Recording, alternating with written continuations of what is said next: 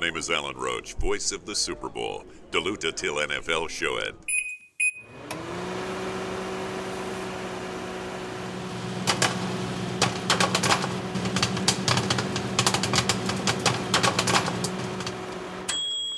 Alan Roach har nemlig fuldstændig ret. Du lytter til NFL-showet, der er optaget live on tape og er produceret af Kvartrup Media. Denne episode er produceret i samarbejde med Tafel. Royal. Abu Beats. Og hvis du ikke allerede har slået til i øh, forhold til øh, tilbuddet om en måneds øh, gratis adgang til BookBeat, så vent bare til du hører en lille bid af NFL Confidential, som er bare en af 200.000 titler, som du altså kan få adgang til kvitterfrit i en hel måned, hvis du signer op på bookbeat.dk-nfl. Mere om det senere her i udsendelsen, hvor vi selvfølgelig går de øh, fire kampe fra divisional-runden igennem. Vi tager et kig på de seneste trænerhyringer, og derudover kan du se frem til Crazy Stats fra Willumsen, endnu en dækquiz fra Armstrong, ugens spiller fra Tafel, og så skal vi have fundet endnu en heldig vinder af en grill i Charbroil quizzen. Du ved, hvor du finder os. Det er alle de sædvanlige steder, og derudover så kan du lytte på Danmarks største og bedste fodboldsite, gulklud.dk, og også selvfølgelig på øh, nflshow.dk, hvor du også kan støtte os med et valgfrit beløb ved at trykke på linket til øh, tier.dk. Kæmpe stor tak til dig, hvis du er en af de nu i alt 662, der støtter os. Og hvis du er en af dem, jamen, øh, så har du givet dig selv chancen, når vi igen i dag trækker lod om endnu en kasse med masser af taffelchips her blandt shows egen egne chili cheese og barbecue touchdown chips. Tusind tak for de seneste anmeldelser i iTunes. Tak, hvis du har været omkring shoppen på nflshowet.dk-shop og handle lidt. Og tak, fordi du downloader og lytter og bruger lidt af din tid sammen med os. Jeg hedder Thomas Kvartrup, og her kommer min medvært.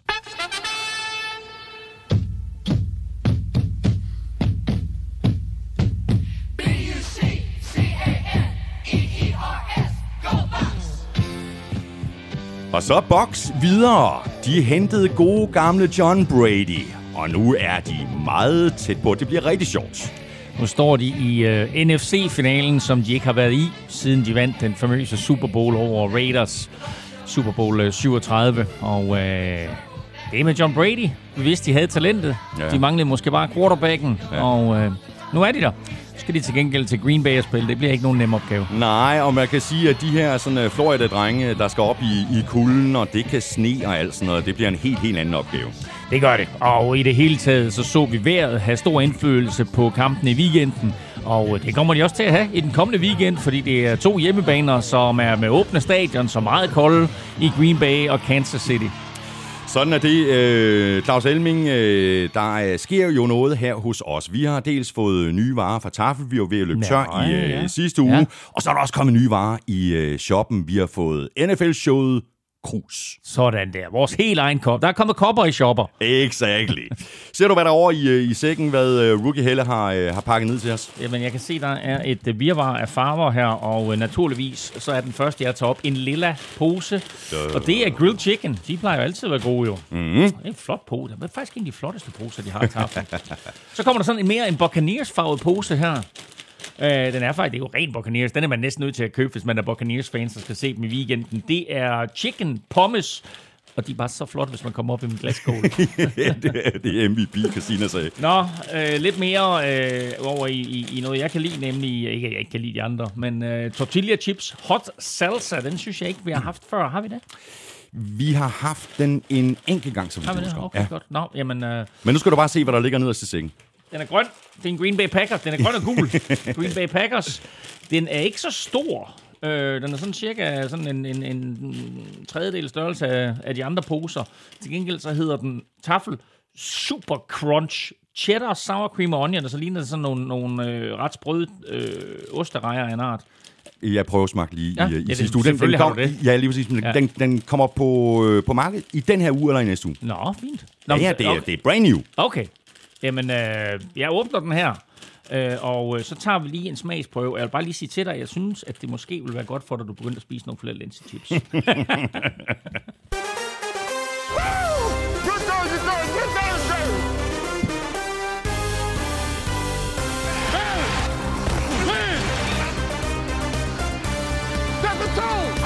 Så er vi klar til konferencefinalerne efter at divisional-runden bød på tre hjemmesejre til Packers, Bills og Chiefs mens Buccaneers vandt ud over Saints. Vi dykker ned i de fire kampe og ser frem mod de to Super Bowl semifinaler.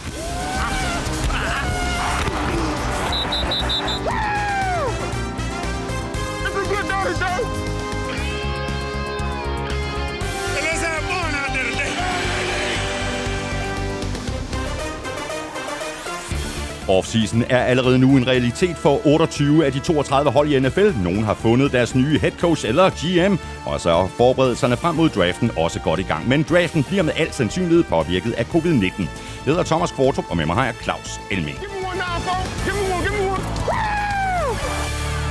Hvad siger du til dem, de der Super Crunch der? De er hysterisk gode. De er latterlige.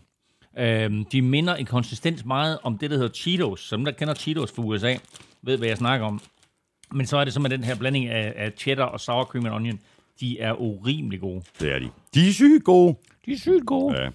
Elming, lad os så få øh, tændt op for grillen og få sat gang i øh, Charbroil-quizzen. Og det er jo i øh, den her quiz, at du har chancen for at vinde en øh, super fed grill. Øh, det er den, der hedder Charbroil Grill to Go. Og du får også en øh, taske med til grillen og en grilltang, det hele til en øh, samlet værdi af 1.700 kroner. Sidste uges spørgsmål øh, eller ledetråd lød sådan her. Jeg kan lige så godt sige det med det samme. Chancen for at vinde en grill i den her øh, lille konkurrence bliver mindre og mindre, fordi der kommer jo flere og flere svar ind på mailen. Og der er kommet rigtig mange. Jeg kan mærke det. Jeg har hånden helt ned i sækken. Ja, det er det. Der, der er meget. Og kæft, der er mange. Godt. Sidste uges spørgsmål øh, lød sådan her. Han var linebacker, han vandt Defensive Rookie of the Year, så vandt han en uh, Super Bowl med Patriots, og derudover så er hans efternavn uundværligt i en sandwich eller burger. Og svaret var og er Jared Mayo. Og det meget sjove, det var, at der kom faktisk en nyhed frem om Jared Mayo i løbet af ugen, og der var der folk, der reagerede og skrev, Nå, nu ved jeg, hvad svaret er på quizzen. Det er meget godt timet. godt, øh, 11 minutter op til dig at finde en øh, heldig vinder af en øh, Charbroil Grill to go plus tilbehør. Da kæft, man. Nu må du bare vælge en Ja, seddel, ja, ikke? ja, jeg tager en selv. Der er bare mange hernede, ikke? Øhm, Royal, Jared Mayo. Vi skal ikke så langt væk. Vi skal smutte ud på Amager til øh, Jakob Krav. Jakob Krav, øh, stort tillykke til dig. Jeg sender dit øh, navn og adresse videre til Charbroil, og så burde der ikke gå forfærdeligt længe, før du har din nye fede grill. Så skal vi have den næste ledetråd i quizzen, og vi trækker altså lod igen i næste uge blandt alle de korrekte svar på følgende spørgsmål. Han er blandt historiens allerstørste spillere. Han vandt tre Super Bowls og blev MVP i den ene. Hans efternavn er en meget populær spise i de lande, hvor man siger Hadafar. Har jeg fundet på det? det har du fundet på. Det er sjovt. det er rigtig, rigtig sjovt. Ja, det er helt glemt. Og det var altså øh, ugens øh, ledetråd her i øh, Charbroil quizzen. Hvis du svarer rigtigt, så har du altså chancen for at vinde en Charbroil Grill to Go plus en taske, så du kan tage grillen med dig, og en øh, grilltang, og det hele til en øh, samlet værdi af 1.700 kroner. Du deltager ved at sende dit svar ind til mailsnablag.nfl.dk. Du skriver hashtag Charbroil og dit svar i emnefeltet, og i selve mailen skriver du dit navn, adresse og mobilnummer, og det er alle oplysninger, som øh, fragtfirmaet skal bruge, så du kan få din grill. Vi gør det altså igen næste uge. Først der trækker vi lod, og så får du en ny ledetråd her i Charbroil-quizzen. Nå, Elming, øh, Divisional-kampen, øh, fire gode, men også øh, fire meget forskellige kampe. Jeg har set, at der er en del på Twitter, der var skuffet over kampen. Jeg synes mm. faktisk, at vi fik øh, OK fin underholdning. Vi fik fin underholdning, men, men spændingen var der måske ikke i kampene, som vi havde håbet. Jo, sådan hen ad vejen var det, men, men, men så var det ligesom om, at så trak det bedste hold fra.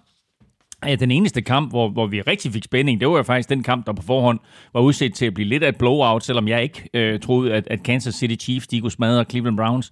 Øh, jeg forventede nok, at de ville vinde selvfølgelig, men jeg forventede også, at det ville blive tæt, og det blev det. Og det blev det naturligvis også, fordi Mahomes gik ud. Men selv med Mahomes på banen, der var Cleveland med i den her kamp. Ja. Spørgsmål her fra øh, Finn Lindstrøm. Øh, han skriver sådan her, jeg synes, det er meget tydeligt, at dommerne ikke kaster flag for pass interference her i playoffs. Er det en bevidst ændring i forhold til regular season? Ja, jeg tror, det gælder faktisk hver playoff, øh, at der, der, der sætter regelkomiteen og dommerne sig lige ned, og så siger de, hvad er det helt præcis, vi skal slå ned på? Hvordan får vi det her til at flyde bedre? Øh, og det er helt tydeligt, at der er nogle plays her i, i slutspillet, som måske ville være blevet dømt Ja i regular season, som, som bare ikke bliver, bliver dømt, og det synes jeg er fedt, fordi det giver bare et, et bedre spil og mere flow øh, uden de store pauser. Præcis. Og lad os så bare lige øh, se kort frem mod øh, konferencefinalerne i den øh, kommende weekend, og vi kan håbe, at der kommer masser af flow i de øh, to kampe. Søndag aften øh, kl. 21.05 dansk tid er det Packers Buccaneers, og øh, så er det så natten til mandag 20 minutter i øh, 1 er det Chiefs Bills. Det er to super fede og spændende matchup, de her to kampe. Det er det, og begge kampe er jo spillet før i år, så man behøver faktisk ikke at se dem. Jo, det gør man, fordi begge kampe blev spillet i spil u 6, men på de modsatte baner. Fordi øh, Chiefs vandt 26-17 i Buffalo, mens Bucks de kørte Packers over øh, 38-10 på hjemmebane. Nu øh, bytter de altså stadions og så videre og mødes igen i slutspillet. Mm. Og vi kommer selvfølgelig til at øh, tale mere om de her to matchups øh, løbende i udsendelsen, og vi kommer også til at sætte vores øh, picks i øh, slutningen af, af udsendelsen. Spørgsmål her fra Hamza Berg. Han skriver sådan her, viser de hold, der er tilbage i slutspillet, os ikke, at NFL handler meget om quarterbackpladsen? Jeg mener Rodgers, Mahomes, Brady og Allen, det er vel top 4. Måske kan man tage Wilson og Watson med i betragtning, men er det nye mantra i NFL ikke følgende? Quarterbacks wins championships. Jo, og derfor så er det også, at vi ser de her quarterbacks blive draftet højt, og alle hold leder efter en quarterback, og vi ser nogle mandskaber, som egentlig er, har en, en rigtig talentfuld trup. Buccaneers, som mangler den der quarterback, og da de så får quarterbacken ind, så pludselig så fungerer det hele. Mm-hmm. Vi har jo set, en, og har haft, og altid haft et mantra med, at defense wins championships, men det hører faktisk til sjældenhederne, at det hold, der vinder Super Bowl, ikke har en god quarterback, eller i hvert fald en quarterback, der ikke begår fejl. Du kan ikke vinde Super Bowl med en decideret dårlig quarterback. Det er den sværeste position overhovedet i nogen sport. Altså på tværs af alle sportsgrene, der er ikke nogen position, der kræver så meget, som quarterback-positionen kræver. Og der er altså kun 32 jobs i verden af den her slags. Så er der nogen, der skifter lidt ind og ud, men, men det ser man også, at det er med begrænset succes. Ja. Så finder du din uh, Patrick Mahomes, finder du din Aaron Rodgers, finder du din Tom Brady, etc. De fleste i første runde, så har du sådan Tom Brady, som, som, uh, altså, som, som Patriots jo finder helt tilfældigt i 6. runde. Men ellers er det uh, meget sjældent, at vi ser de der uh, senrunde picks og undrafted spillere komme ind og, og virkelig få succes. Det er meget sjældent. Vi skal lige runde lidt uh, skader, Elming, uh, og vi kan lægge ud med ham du lige har nævnt, mm. Øh, en stjerne quarterback, øh, Patrick Mahomes. Han gik ud af kampen mod Browns med en, øh, en jernrystelse, og han er nu i concussion protocol. Ja, og det er sådan helt specielt, øh, fordi øh, det, der sker med Mahomes nu her, det er, han er det, du kalder uh, concussion protocol. Man kan også kalde det observation for hjernerystelse. Og han kan sagtens nå at clears inden søndag. Og Andy Reid, head coach for Chiefs, der var også meget opmærksom på at sige flere gange i den efterfølgende pressekonference, med Holmes is doing great, everything is fine, Mahomes is good. Men man skal bare lægge mærke til, at det her, det var ikke noget lille slag. Det er jo egentlig en mærkelig situation, fordi jeg har svært ved at se, hvordan han bliver så groggy, som han gør. Altså, det må være en kombination af, at, at der måske bliver strammet, hvad ved jeg, øh, greb om halsen på ham, og så han slår hovedet. Det er så meget mærkeligt ud, i hvert fald. Men han er meget groggy, da han rejser sig op, og han kan jo slet ikke stå på benene. Øh, og godt nok så løber han lidt senere selv ud i omklædningsrummet, og det tror jeg også, det er sådan, at for at mm, vise, hey, ja, okay. Men så kommer meldingen jo, at han øh, er dømt ude for resten af kampen med en hjernerystelse. Og så snart det sker, så øh, bliver han officielt sat i den her NFL øh, pro, øh, øh, Concussion Protocol, altså observation mm, for mm. hjernerystelse. Og så bliver han automatisk øh, sat ind i sådan en, en femtrins øh, proces, han bliver evalueret mandag øh, for, for hjernerystelse, og der, der er det statueret, at han har den og så videre. Øh, så er følgende øh, processer skal han igennem nu her. Øh, hvile selvfølgelig, så yderligere evaluering af symptomer og let træning. Øh, og er der ingen tegn på hovedpine eller træthed eller noget i den retning, så kan han så få lov til at træne lidt hårdere øh, nogle fysiske øvelser, mm. og så må han så, hvis ja, der stadig ikke er, ikke er symptomer, så må han så fortsætte med yderligere lidt hårdere træning, eller løbebånd, eller øh, kondicykel, eller noget i den retning. Og så først fredag eller lørdag, måske nok tidligst lørdag, kan han få lov til at deltage i deciderede fodboldøvelser, og komme tilbage på banen, og måske endda deltage i kontakt. Så det er først lørdag, mm. at Chiefs de finder ud af, hvis der fortsat ikke er symptomer, om han kan få lov til at spille. Og er der bare en enkelt gang i løbet af den her uge her, hvor han viser tegn på hjernerystelse, så hedder den startende quarterback for Chiefs i AFC-finalen. Chad Henney. Det gør han lige præcis. Så må man håbe for, for, for Chiefs, at uh, Chad Henney han gør det bare nogenlunde lige så godt, som han gjorde det i, uh, i weekenden. Men det er jo ikke kun uh, Chiefs, uh, som det her det, uh, det påvirker. Det påvirker jo også modstanderen. Det påvirker jo, uh, jo Bills, der i virkeligheden nu skal forberede sig på Præcis. to quarterbacks. Ja, ja, og, og, og altså, uanset hvordan du vender og drejer det, uanset hvor meget systemet er systemet, så er det bare en, så er der bare en forskel for Bills, om det er Patrick Mahomes, der står derinde, ja. eller det er Chad Henney. Så det er altså to vidt forskellige ting, du skal forberede dig på.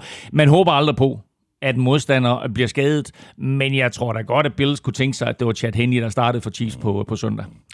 Andre skader, vi lige skal nævne, Antonio Brown, AJ Dillon, Ja, altså dem, dem vender vi tilbage til senere i udsendelsen. Øh, selvfølgelig også Lamar Jackson, som øh, udgår med en hjernerystelse. Det er jo lidt vildt her i, i den her weekend her, at de to sidste års MVP, Patrick Mahomes og Lamar Jackson, begge udgår med hjernerystelser. Mm. Lad os så lige tage en uh, tur med uh, klubberne, der er på jagt efter nye øh, uh, GM's og uh, ikke mindst head coaches, og der er uh, sket noget, siden vi sad her sidst i den grad øh, Jaguars har fået ny head coach, og det blev Urban Meyer, der jo har haft kæmpe stor succes i college. Han har haft stor succes i college. Han har gjort uh, Florida Gators til, øh, til mester to gange, og det gjorde han jo med navnkundig Tim Tebow som quarterback. Og så kom han til Ohio State og gjorde også dem til mestre, og dermed så er han en af kun tre trænere i college-historien, der har gjort to forskellige colleges til, til mestre. Så imponerende succes, og man skal jo ikke tage fejl af, hvor store de her colleges er, fordi når du er head coach for sådan noget som Ohio State, så øh, svarer det øh, til at være head coach for et NFL-hold. Den helt store forskel er, at du har med unge drenge at gøre her som er nemme at coache. Hvor når du kommer til NFL, så snakker vi altså højt betalte mange millionærer.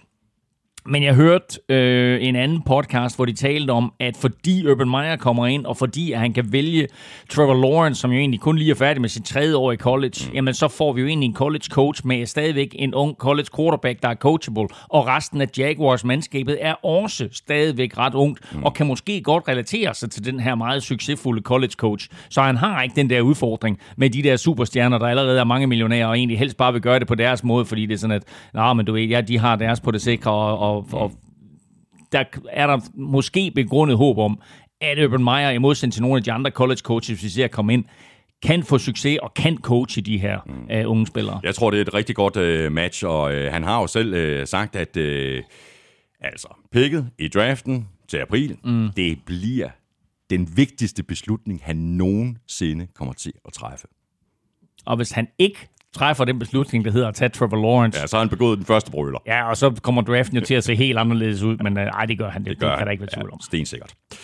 Falcons har også fundet deres nye head coach. Det blev Arthur Smith, der kommer til fra Titans, hvor han var offensiv koordinator, og med den uh, succes, som han har haft med angrebet i Tennessee, så kan man godt forstå, at øh, de også godt vil have en bid af den kage i, øh, i Atlanta. Ja, fordi et af den måde, det er sådan, at han har formået at få Ryan Tannehill og Derrick Henry til at fungere sammen, men to, synes jeg, er hans evne til at variere sit spil, hvor han gang på gang bare tager røven på forsvaret. Øh, det, det, det behøver du ikke en Ryan Tannehill og en Derrick Henry for at gøre, der kan, men altså, der er så mange playmakers på det her, øh, på det her Atlanta Falcons-mandskab, at han nok skal komme ind og, og, og lave noget rigtig, rigtig sjovt for det angreb. Et rigtig, rigtig sjovt tweet, som jeg så i ugen, det er, at ved du, hvem Arthur Smith han er søn af? Øh, en eller anden, øh, er det FedEx eller Præcis. et eller andet sådan noget? Han er, han er søn af stifteren af FedEx, som hedder Fred Smith. Mm. Og Fred Smith er god for 5,4 milliarder dollars. Øh, Falcons ejer Arthur Blank er god for 5,3 milliarder dollars. så derfor så stod der, hvordan kan det lade sig gøre, at øh, Arthur Blank nu ikke engang er den rigeste Arthur i Falcons-organisationen. Og så blev det uh, Rams nu uh, tidligere defensiv koordinator Brandon Staley, der kommer til at stå i spidsen for Chargers rigtig, rigtig spændende at se, hvad der sker der. Altså, Brandon Staley er jo kommet lidt out of nowhere, øh, har været succesfuld college-træner, har været linebackers coach, jeg mener i Lions og Broncos, kommer ned, revolutionerer jo det her Rams forsvar, efter at uh, Wade Phillips uh, blev sendt på porten, uh, og der sad vi jo og talte om inden sæsonen, puha, hvad sker der nu, ja, og Wade Phillips var vigtig for Rams, men altså, uh, Brandon Staley har jo den grad revolutioneret Rams' forsvar, og måske hele tilgangen til forsvar i NFL, Og når man ser på den talentmasse, som Chargers har på forsvaret, jamen altså, så få en mand ind som Brandon Staley, der kan sætte styr på, på den side af bolden, og så få en ind til at tage den unge Justin Herbert i hånden og, og angrebet og gøre det endnu bedre, og så er der altså øh, fine udsigter for Chargers. Ja, det er der virkelig. Nu nævnte du lige uh, Wade Phillips. Uh, så du tweetet fra ham, uh, tror det var i nej, går eller i forgårs? Nej, nej, nej. Uh, han skrev sådan her, I'm ready to retire from retirement. Ja. I am ready and available. Let's win. Og det kan man da kalde et åbent jobopslag. Ja, og det gjorde han jo allerede for en 3-4 uger siden også, hvor vi talte om det NFL-show, at, at han var klar til at komme tilbage. Mm. Jets har også fundet deres nye head coach. Det blev for den Niners nu tidligere defensiv koordinator Robert Sala, der ovenikøbet tager flere assistenttrænere med sig. Det er ikke officielt endnu, hvem han tager med, men en af de vigtige, han skulle tage med, det er Mike LeFleur, altså Matt LeFleurs lillebror. Mike LeFleur har været passing game coordinator i 49ers, øh, og det er gode nyheder for, for Sam Darnold, eller hvem der nu ender quarterback derude. Øh, de har også sagt, at en af de vigtigste beslutninger, de skal tage, det er omkring quarterback-positionen, fordi øh, de har en Sam Darnold, men de sidder også med det der pick nummer to. Er det en, er det en, en Justin Fields, eller er det en Zach Wilson, eller går de overhovedet quarterback-vejen, trader de ned, hvad har de tænkt sig at gøre? Mange muligheder og masser af potentiale i det her Jets-mandskab. Nu får de i Robert Sala en defensiv guru og en mand, der har formået bare med sin aura på sidelinjen at få øh, 49ers forsvar til at præstere på et fantastisk niveau, og det er selvfølgelig den aura der, som han også er blevet hyret ind for. Præcis. Spørgsmål her fra Niklas Tejl. Øh, er der ikke noget, klubberne kan gøre for at holde på profiler som for eksempel Robert Sala og i sin tid Kyle Shanahan som offensiv koordinator i Falcons? De var vel i princippet lige så vigtige for deres respektive hold som holdenes head coaches. Er der et loft over, hvad holdene vil eller kan betale for en koordinator, eller er det umuligt at holde på dem, fordi prestigen i en head coach chance er så stor? Ingen træner øh, ligger under lønloftet, så du kan betale din trænerstab lige så meget, øh, du overhovedet kan overkomme. Men det er selvfølgelig i den her branche, som så mange andre, at du vil gerne være chef, og du vil gerne forfremmes. Og når du først er øh, røget fra assistenttræner til en eller anden form for koordinator, hvad enten det er special teams, eller det er defense eller offense, jamen øh, kan du så få det næste skridt og blive head coach, så er det klart, at, at du gerne vil det. Mm. Og det er jo ikke kun defensive coordinators og offensive coordinators, der bliver forfremmet. Vi har set John Harbaugh, special teams coordinator, blive head coach. Vi har set Joe Judge i uh, New York Giants mm. uh, blive head coach med den baggrund. Så på den måde, så er det jo det her med mandskabshåndtering, som er lige så vigtigt som det system, du kommer med. Men jeg er også sikker på, at, at der i øjeblikket i NFL bliver kigget rigtig, rigtig meget på systemer. Og derfor så øh, kan jeg godt være overrasket over nogle af de her hold, som går den defensive vej. Altså Jets, der går ind og tager en Robert Sala, øh, Chargers, der går ind og tager en Brandon Staley, fordi der er så meget fokus på angrebet. Men på den anden side, når der så er fokus på angrebet, så skal man også have nogle forsvar, der ja, kan stoppe det. Ja, og vi har set Rams have succes med det i år, og, og 49ers, øh, uanset hvor mange skader de har, mm. har haft, øh, haft succes med, med Robert Sala i spidsen. Mm. Og nu er det jo sådan her med de her øh, promotions i, i NFL, altså øh, et, et, et hold kan jo låse en træner, altså for eksempel en linebackers coach, hvis han bliver tilbudt en lignende position i en anden klub. Men så snart at det er en position, der ligger højere, så kan de ikke låse, øh, så kan de ikke låse træneren. Altså en, en offensiv eller en defensiv koordinator, mm. der bliver tilbudt ja. en head coach position, Præcis. jamen de kan ikke forhindre, at, øh, nej, nej. at, at, den øh, træner tager imod Præcis. det er jo kun med kontraktudløb, så er han selvfølgelig fri til at forhandle med, med hvem som helst, men hvis der er en forfremmelse i den nye kontrakt i en ny klub, så, øh, så kan hans eksisterende eller nuværende klub ikke forhindre, at, at at han tager et jobinterview eller tager et nyt job. Nej. Nu mangler vi bare, øh, at Texans, Lions og Eagles finder deres nye head coaches. Hvem er i spil? Jamen altså for Texans, øh, Texans har jo nogle interne problemer, som, som er helt vanvittige. Og øh, øh, de har en fyr, der hedder Nick Easterby, som lige pludselig er, er, er virkelig øh, blevet øh, manden, som har fået, hvad skal vi kalde det, øh, sat, sat, sat, sat skurke, øh, sat, sat titlen som skurk på sig. Mm. Og øh, jeg tror, at, at Texans på en eller anden måde er nødt til at skille sig af med ham, fordi det, det lader til, at han er en af dem, som virkelig skaber noget intern uro. Og Nick Easterby fucker lidt op i det i forbindelse med alt det her trænerinterviews og sådan noget, fordi der er jo helt klare regler for, hvilke træner du må interviewe, hvornår i forhold til hvilke træner, der stadigvæk er med i slutspillet. Og der kunne Texans jo have øh, haft et jobinterview med Eric Bieniemy, altså offensive coordinator, som er en meget populær figur for Kansas City Chiefs. Han kunne de have haft et, et uh, interview med, øh, inden øh, Chiefs trådte ind i slutspillet. Men så snart de trådte ind i slutspillet, så kan Eric Bieniemy kun lave øh, interviews nummer to. Så har man ikke foretaget interview nummer et, så kan man altså ikke få lov til at lave interview nummer to med ham. Øh, men der har Chiefs og NFL faktisk givet Nick Easterby og Texans øh, lidt et, et frikort, et fripas, og så sagt, ej okay, I misser den der. Så i dag eller i morgen laver Eric Bieniemy faktisk sit første interview. Mm med Texans. Og det betyder så, at mellem øh, weekendens kampe og Super Bowl, der kan de så lave jobinterview nummer to med ham. Øh, men det er sådan lidt uhørt, men viser også, at de nok på en eller anden måde har fundet ud af, at de har en vis interesse i Eric Bieniemy. Eric Bieniemy må til gengæld sidde og tænke, hvorfor er de så elendige øh, organiseret, at de ikke tager fat i mig inden? Ja.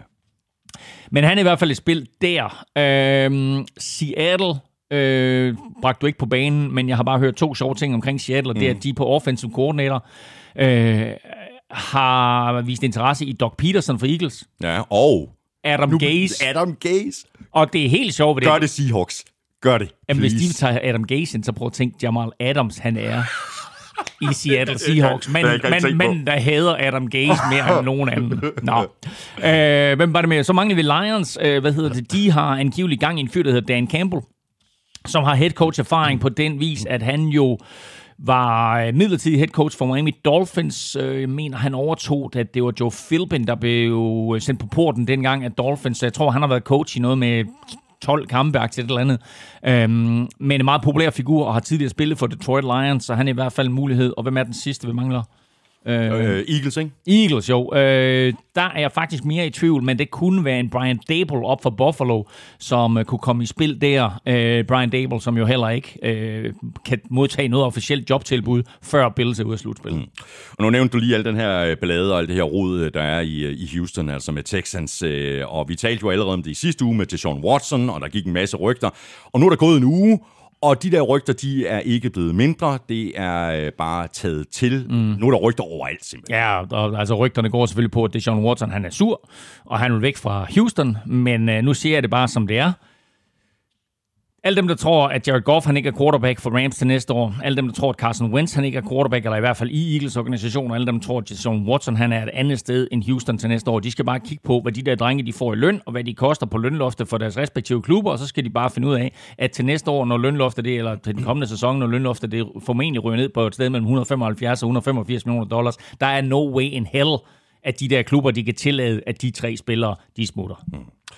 Og så er der jo i hvert fald øh, 28 klubber og øh, 28 fanskare, der lige nu sidder og ser frem mod off-season, ser frem mod free agency og draften, og ligesom coronaen jo har haft øh, indflydelse på 2020-sæsonen, så kan den øh, nærmest heller ikke undgå at få indflydelse på draften og på forberedelserne frem mod draften. Nej, og det der skete i går var, at NFL sendte sådan en lille memo ud til alle klubberne omkring, at det man kender som NFL Combine kommer til at foregå på en helt anden måde. Mm. Principielt så er den faktisk aflyst i Indianapolis, og det betyder, at, at øh, det bliver øh, mere noget online halløj, og det bliver mere lokalt på de enkelte skoler, at man så i en eller anden form for begrænset forum må tage ud og se på de spillere, øh, lave en eller anden form for, for træningsstation, øh, vurdere dem og analysere dem, og, øh, og, og de her samtaler, som man også kender, kommer til at foregå via Zoom. Det bliver ikke personlige face-to-face møder.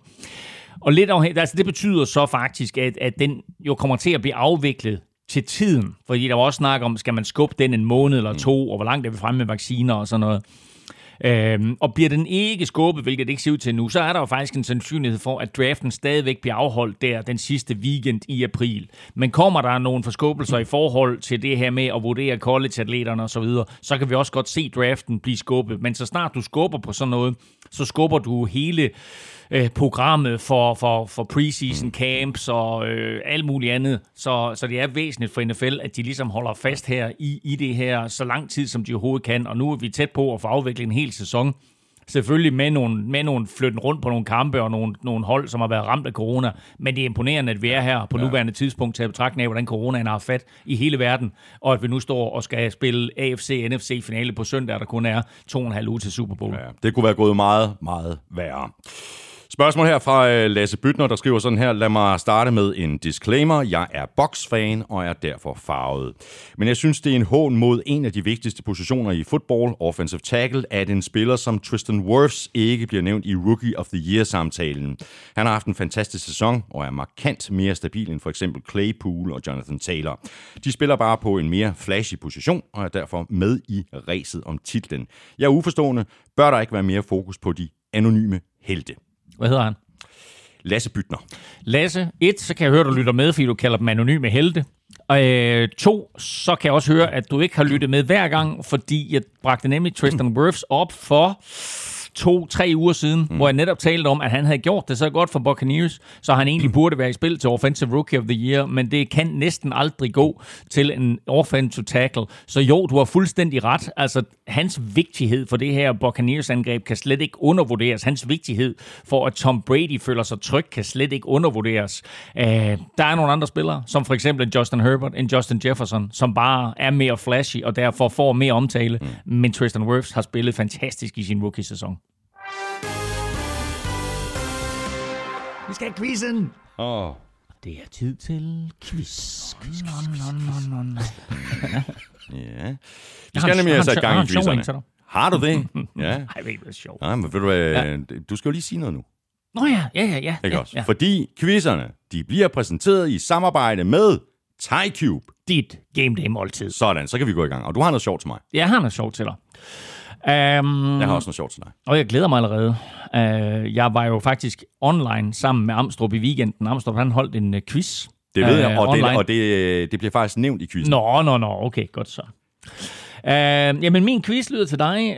Uh, Kansas City vandt i weekenden. Uh, korrekt. sådan med nød og næppe. Mm.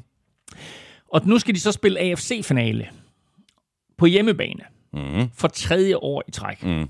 Og det er faktisk aldrig sket før, at et AFC-hold har spillet AFC-finalen på hjemmebane tre år i træk. Mm. Men det er sket én gang i NFC. Mm. Hvem gjorde det? Øj. Det er et svært spørgsmål. Nå, men nu, får du øh, kan- Amstrups, nu Ej. får du til quiz. jeg, kan se, jeg kan se på dig og mærke, det er det samme. Jeg var da latterligt. Det quizzen lyder sådan her. Breeze, 42, færdig og fed. Brady, 43, særlig og ged. Andy Reid. Det er en stærk start. Andy Reid gjorde som Egon, Kjell og Benny, snød alle og rullede med Chad Henney. Fed weekend med online quiz i lockdown, og Bills vandt med et par touchdowns. Vejen går for tredje år i træk gennem Arrowheads dør. Hvilket hold har gjort det før? Chiefs er for tredje år i træk vært for AFC-finalen. Et hold har tidligere været vært for tre konferencefinaler i træk. Hvilket hold? Og der Det igen, er, det er et svært spørgsmål. Ja, Kan du- og- men kan du altså, på Ja, det? kan jeg godt. Men altså, der er jo en, der er jo en lille finurlighed ved det her, for det er jo ikke holdet, der er interessant, men det kan vi vende tilbage Mm. Ja, til det senere. kan, vi, det kan vi nemlig. Der er nemlig også et bonusspørgsmål. Nå, okay, det er, som jeg får nu, eller hvad? Nej, nej, det, det kan Nå. vi vente med til, okay, til nå, sidst. men jeg har ikke skal- noget bonusspørgsmål til dig. Til gengæld så vil jeg sige, det viser jo bare igen, at vi taler ikke sammen om de her quizzer. Nej, det gør vi Så det er, jeg tror, det er tredje eller fjerde gang, hvor vi rent faktisk ender med at stille det samme spørgsmål. I hvert fald anden gang. Godt, så hopper vi i kampene. Vi tager de to opgør i NFC først. Vi lægger ud med rundens første kamp, øh, og det var den mellem Packers og Rams. Og måske skal vi til at skrive det gamle mantra øh, om, at øh, defense wins championships, øh, skrive det om til, at øh, det er angrebet, der vinder mesterskaber. Fordi det her Packers angreb havde i hvert fald øh, krammet på Rams på papiret bedste defense i ligaen. Ja, og nu var Rams jo så også uden Aaron Donald det meste af kampen, og derved så fik vi jo ikke den her øh, vidunderlige kamp i kampen, vi havde set frem til mellem øh, Aaron Rodgers og Aaron Donald. Øh, Donald, han, øh, han stod på sidelinjen øh, på, synes jeg, nogle meget kritiske tidspunkter, og når han så var inde, så var han jo reelt set en, en non-faktor. Ja. Øh, om Han, han, var, havde han var kun inde på lige omkring ja. halvdelen af snat. halvdelen af spillene, ikke? Altså normalt, der spiller han jo 80 procent, og, og, og er jo en force nærmest på alle, og det var han bare ikke i, i den her kamp. Øh, Og derfor så kan man jo sige til sig selv, havde han gjort en forskel, ja, det havde han jo nok.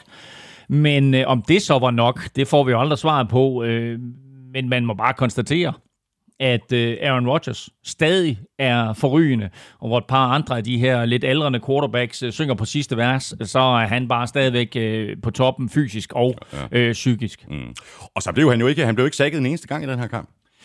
Nej, altså, og øh, Packers har bygget et system, som de har fintunet øh, og raffineret igennem sæsonen, eller for en sags skyld over de sidste to år, hvor, hvor Matt LaFleur har været head coach. Aaron Rodgers kørte til perfektion, og jeg så en meget sjov artikel, hvor de talte øh, om det her McVay, Shanahan, LaFleur-system, om hvordan det er meget quarterback-venligt, øh, og ofte skjuler svagheder på quarterback-positionen. Og når man så pludselig sætter en Aaron Rodgers ind i det her system, så bliver det faktisk både urimeligt og uretfærdigt øh, over for modstanderne. Og når du så samtidig har et Rams-mandskab, som mangler sin bedste ja. spiller i, i form af Aaron Donald, så var der altså ikke meget pres for Rams, og ikke meget Rams kunne gøre imod den her maskine, som, som Rodgers bare står i spidsen for. Ja. Og det, den uh, sidste angrebsserie inden pausen, der resulterede i et, i et field goal. Uh, altså, Rodgers er jo latterligt uh, god på det der spil til Robert Tonyan. Han havde så uh, faktisk et par farlige kast, uh, der kunne være blevet interceptet, øh, men serien sluttede med et field goal og pausestillingen til 19-10, så vidt jeg husker. Det er korrekt, men, men inden da, der har Rams jo faktisk et rigtig fint drive, og i det hele taget, så synes jeg at, at, at Jared Goff og, og Rams angreb spillede en, en fornuftig kamp. Øh, McVay Øh, ture løb bolden og havde jo sådan set succes med det. Og, og det er også noget, som Buccaneers de skal lægge mærke til, at, at Rams havde den der succes med at løbe bolden øh, imod Packers, som de havde. Jeg synes, Rams flyttede bolden øh, bedre og faktisk mere kontinuerligt, kontinuerligt end, øh, end jeg havde regnet med. Men der var nogle små fejl, og så var der de der seks, mm. som Goff tog, som Rodgers ikke tog. Og når han tog de seks, så havde Rams meget, meget svært ved at overkomme de der ekstra yards. Uh, et, fordi de ikke havde angrebet til det. To, fordi Cooper Cup jo ikke var med, uh, var skadet, uh, meldt ud en, en time før kampstart. Og så tre, fordi øh, det bare var, var, var, var noget frygteligt vejr, og, og det passer altså bare ikke øh, det her Rams-angreb, når de skulle ud og kaste lange bolde. Øh, men øh, jeg synes, at, øh, at, at det der angreb, de fyrer af der Rams til allersidst, at det er, det er rigtig, rigtig fint. De scorer touchdown, og det gør de med 29 sekunder igen. Og der er det jo egentlig, at det er helt vanvittigt, at med 29 sekunder igen, der når Aaron Rodgers og fører Packers ned ad banen og få to skud i endzonen, som du siger egentlig begge to måske endda kunne være blevet interceptet, og så alligevel når Jets Spark et field goal. De fik altså bolden tilbage med 29 sekunder igen. Og øh, en af de der øh, kast, han har til Robert Tonyan, som du også bringer frem, det er jo faktisk en af de få gange, hvor Aaron Donald er ved at komme ind og få fat i Aaron, Do- øh, Aaron Rodgers og Aaron Rodgers jo bare iskoldt med sådan en klo af Aaron Donald hængende i trøjen. Der træder han bare op i lommen, og så fyrer han sådan med, med den mest selvfølgelige lethed mm bolden 25 yards ned ad banen i hænderne på Tonjan, og det er bare så imponerende at se. Ja, det er det virkelig. Nu nævnte du lige øh, Jared Goff. Øh, der er faktisk kommet spørgsmål, og i forhold til, at han bliver sækket. Øh, spørgsmål fra Christian Norbæk. Øh, hvad kan McVay gøre for at gøre Goff mere bevægelig? På de fleste sacks, der ligner han en salgstøtte, der reelt ikke forsøger noget. De gode quarterbacks kan få noget ud af broken plays, og det er tit forskellen. Ja, men altså, jeg vil sige det på en måde, du har, du har tre typer quarterbacks i NFL. Du har øh, salgstøtten, så har du den bevægelige salgstøtte, og så har du spirvippen. Og øh, det, er jo, det er jo tre forskellige tilgange til det her. Og, og Jared Goff er jo helt sikkert salgstøtten, og derfor så er det her angreb også bygget op om, at Øh, der skal være nogle mennesker, der løber fri ned ad banen, og forsvaret skal være forvirret, og hans kast skal være forholdsvis simple. Det er ikke meningen, at han skal scramble til en første down, eller at han skal improvisere og købe sig tid. Det er fint nok, når han gør det, og vi har da faktisk også set til tider, at han kan gøre det. Men det her angreb, det er lagt an på alt det der misdirection, som McVay han godt kan lide, og så videre. Øh, og så... Øh, er der øh, altså selvfølgelig igen øh, Cooper Cup mangler og så videre, og vejret her spiller ind, men altså jeg synes jo egentlig, at, at han på trods af, at han kun havde ni fingre, mm. øh, og ni gode fingre og gør godt med Goff, så gjorde han det fint. Mm. Sean McVay siger, at Rams forløbig holder fast i Jared Goff. Det lyder ikke umiddelbart som verdens største tillidserklæring. Prøv lige at forestille dig en gang, hvis Andy Reid øh, blev spurgt, om han holdt fast i Patrick Mahomes, om han så sagde, ja, forløbig holder vi fast i ham. Ja, jeg ved ikke, jeg ved også godt, at det blev lidt overfortolket, det der med, at, at han sagde det, uh, Sean McVay, at forløbet holder ved fast i Jared Goff, men altså igen, hvis Rams de overvejer at sende øh, Jared Goff videre, så koster han dem 34 millioner dollars på lønloftet, og det har de på ingen måde råd til øh, og bare lade gå. Det kan godt være, at de gerne vil i en anden retning, men altså, da de øh, på en eller anden måde for, for to år siden der gik fuldstændig amok med kontrakter til Jared Goff og øh, Todd Gurley og øh, Aaron Donald og hente Ramsey ind og så videre. Altså, øh, det er fint nok, deres forsvar er fint. Aaron Donald fortjener også sin kontrakt, øh, og Ramsey lige så, men altså, det der med Gurley og Jared Goff, at de skulle have de store kontrakter, det, det bider dem altså lidt i bagdelen nu. Mm. Lad os lige runde øh, Rams af, fordi jeg, jeg noterede mig faktisk, at Sean McVay, han kaldte flere spil, hvor bolden den blev snappet direkte til øh, rookie running back Cam Akers i sådan en, en wildcat-formation. Var det bare kreativ spilkald fra Sean McVays side, eller var det et tegn på, at McVay måske ikke var sikker på, hvor meget han kunne stole på Jared Goff? Øh, nej, det ved jeg ikke. Øh, det synes jeg faktisk ikke. Jeg synes faktisk, at, at det, det, var, det var nogle kreative spil, som han hævde op og, og lavede lidt det her. Men jeg synes, det var lidt mærkeligt, at de stillede op i, i Wildcat, og så kørte det samme løb op i højre side øh, tre gange i træk. Men, men det er jo det, der er med NFL. Det er jo et skakspil, så da de havde kørt det samme spil to gange, så tænker Packers jo nok, nå, nu kommer der noget andet på det tredje, men det gjorde der så ikke. Og så scorer Cam Akers jo faktisk på det der play. Så øh, det er sådan lidt, du ved, hvad, hvad kommer der ud af det her? ikke? Og da, da han kørte den der anden gang, og de fik 0 yards igen, der sad man og tænkte, hold kæft, hvor latterligt. Mm, Men øh, hvor de stillede Goff op som receiver, så Cam Akers i shotgun. Nu nævnte vi øh, den her angrebsserie fra Rams, øh, der bragte noget spænding øh, tilbage i kampen der i slutningen af, af anden halvleg, altså lige inden at Rodgers fik de her 29 sekunder, og, og de kom op og scorede et, et field goal. Packers, de scorede på deres første fem angrebsserie. De producerede 484 total yards på angrebet, og vel at mærke mod et forsvar, der kun havde tilladt modstanderen at komme over 300 yards seks gange i løbet af sæsonen. Packers offensiv linje, som vi også nominerede til ugens spiller, spillede jo nærmest fejlfrit. Det gjorde det jo rigtig, rigtig flot øh, kamp af dem. Selvfølgelig hjælper det dem også, at, at Aaron Donald ikke er der, for det betyder, at de kan fokusere på Michael Brockers og på øh, Leonard Floyd. Men de, altså, Packers løber for næsten 200 yards, Aaron Rodgers' strøg, den er ren, da, da kampen er forbi. Så en, en meget, meget flot indsats af, af Packers her, på trods af, at de jo mangler deres venstre tackle. Og øh, vi talte om det her i sidste uge med Jared Valdir, han skulle komme ind, og, øh, og, og det ender som at han får corona, så, så det gør han ikke alligevel, så, så de stiller op med, med en forholdsvis uprøvet spiller på, på venstre tackle, der som godt nok sluttede sæsonen af for dem, mm. men øh, de spiller bare suveræn hele vejen igennem.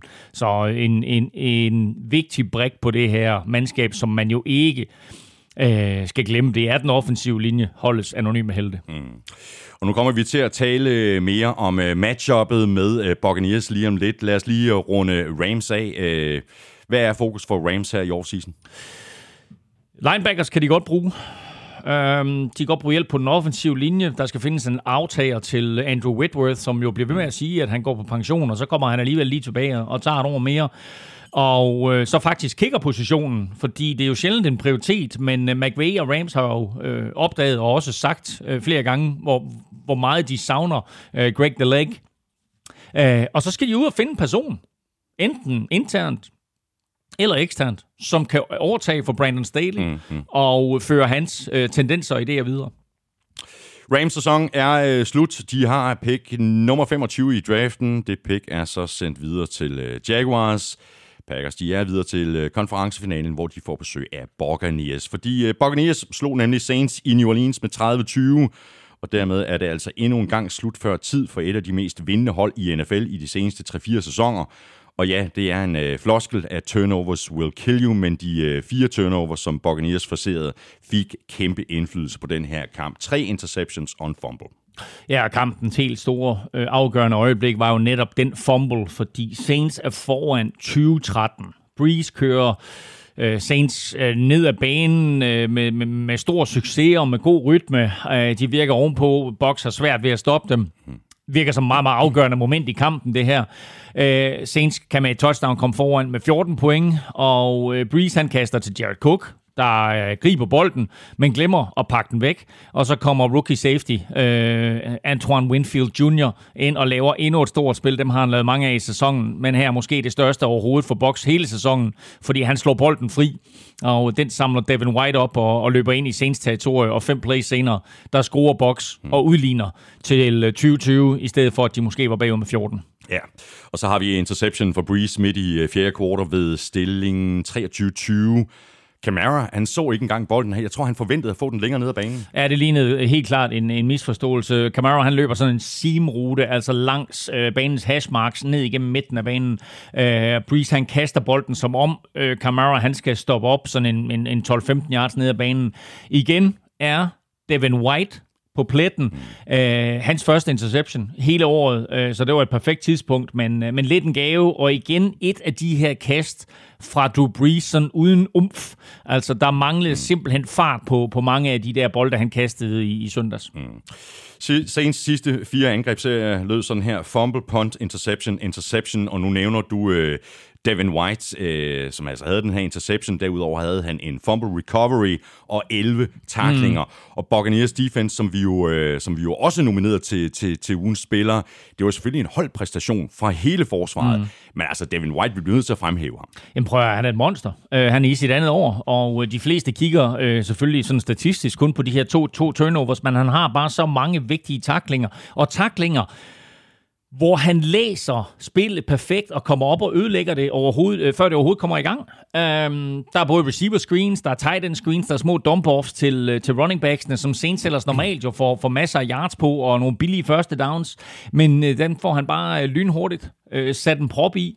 Øh, de amerikanske kommentatorer talte om undervejs, at han burde have været i Pro Bowl, og øh, her i den her kamp, og måske i weekenden, var han i hvert fald den forsvarsspiller, der stod for den største individuelle præstation, og måske var den bedste forsvarsspiller overhovedet i, i de der fire kampe, øh, vi så. Og så faktisk lige en nyhed, som vi ikke har talt om, øh, som er gode nyheder for Box, og måske knap så gode nyheder for Packers, det er, at Buccaneers øh, onsdag får Vita Vea tilbage fra Injured Reserve. Wow. Og dermed er han forhåbentlig... Det er da hashtag breaking news. Forhåbentlig, øh, hashtag måske, ja. klar til søndagens kamp wow. imod Packers, og så får du lige pludselig Vita Vea og en Kansu i midten for det der boksforsvar imod Packers. Kæmpe opgradering, ja, hvis det lykkes dem at få ham klar. Ja, du tosset. Spørgsmål her fra Jakob Mark Hansen. Øh, var det her det sidste, vi har set til øh, Drew Brees, som spiller i NFL? Til øh, preskonferencen kiggede han mere tilbage på minder end frem mod næste sæson. Og der var allerede inden kampen øh, rapporter om, at han havde sagt, det her det er min sidste kamp, og måske brugt det som en eller anden form for motivation mm. i omklædningsrummet. Og den måde, han forlod sin øh, hjemmebane mm. gennem de sidste 14 år på, hvor han ligesom kiggede tilbage og, og, og kiggede op i taget på det her elgamle, legendariske stadion.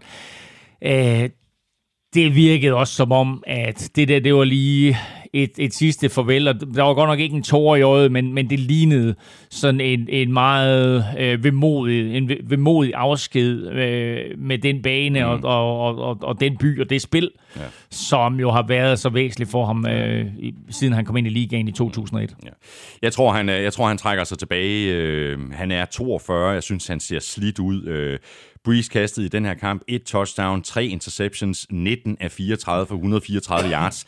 Det er et snit på under 4 yards per kast. Det hele det ligger selvfølgelig ikke på Breeze. Det ligger også på angrebet. Du havde en Michael Thomas, øh, fire targets havde han, nul grebne bolde. Mm, mm. Og selvfølgelig har Buccaneers defense også en stor del af æren for, at, øh, at de ikke spillede bedre på, på, på Saints angreb. Men alligevel, jeg tror, han stopper nu. Jamen, nå, jamen, altså, jeg er helt enig. Jeg tror slet ikke, det er nogen uh, hemmelighed, at, at han stopper. Uh, det er bare et spørgsmål om, hvornår de får planlagt den her preskonference. Sean Payton blev jo også spurgt omkring, om han ville sætte nogle ord på, hvad Breeze havde betydet for ham. Og så siger Sean Payton jo, uh, det vil jeg faktisk ikke gøre nu. Det, det, der, der kommer nok en anden pressekonference, ja, som, hvor ja. vi skal gøre det. Men Breeze var ikke god i, i den her kamp. Han manglede både evnen til at kaste dybt, han manglede fart i bolden, og han manglede den der præcision, der har kendetegnet øh, hele hans karriere. Øh, og selvom du ved flere lejligheder har prøvet sådan at tale ham lidt op efter sit comeback, og mm, efter den mm. her skade her, så har jeg haft min tvivl, fordi jeg synes, at der var for mange swips undervejs, og, og, og for mange gange, hvor han slap heldig fra nogle virkelig, virkelig dårlige kast. Øh, og her, der straffer Buccaneers som for de der dårlige kast.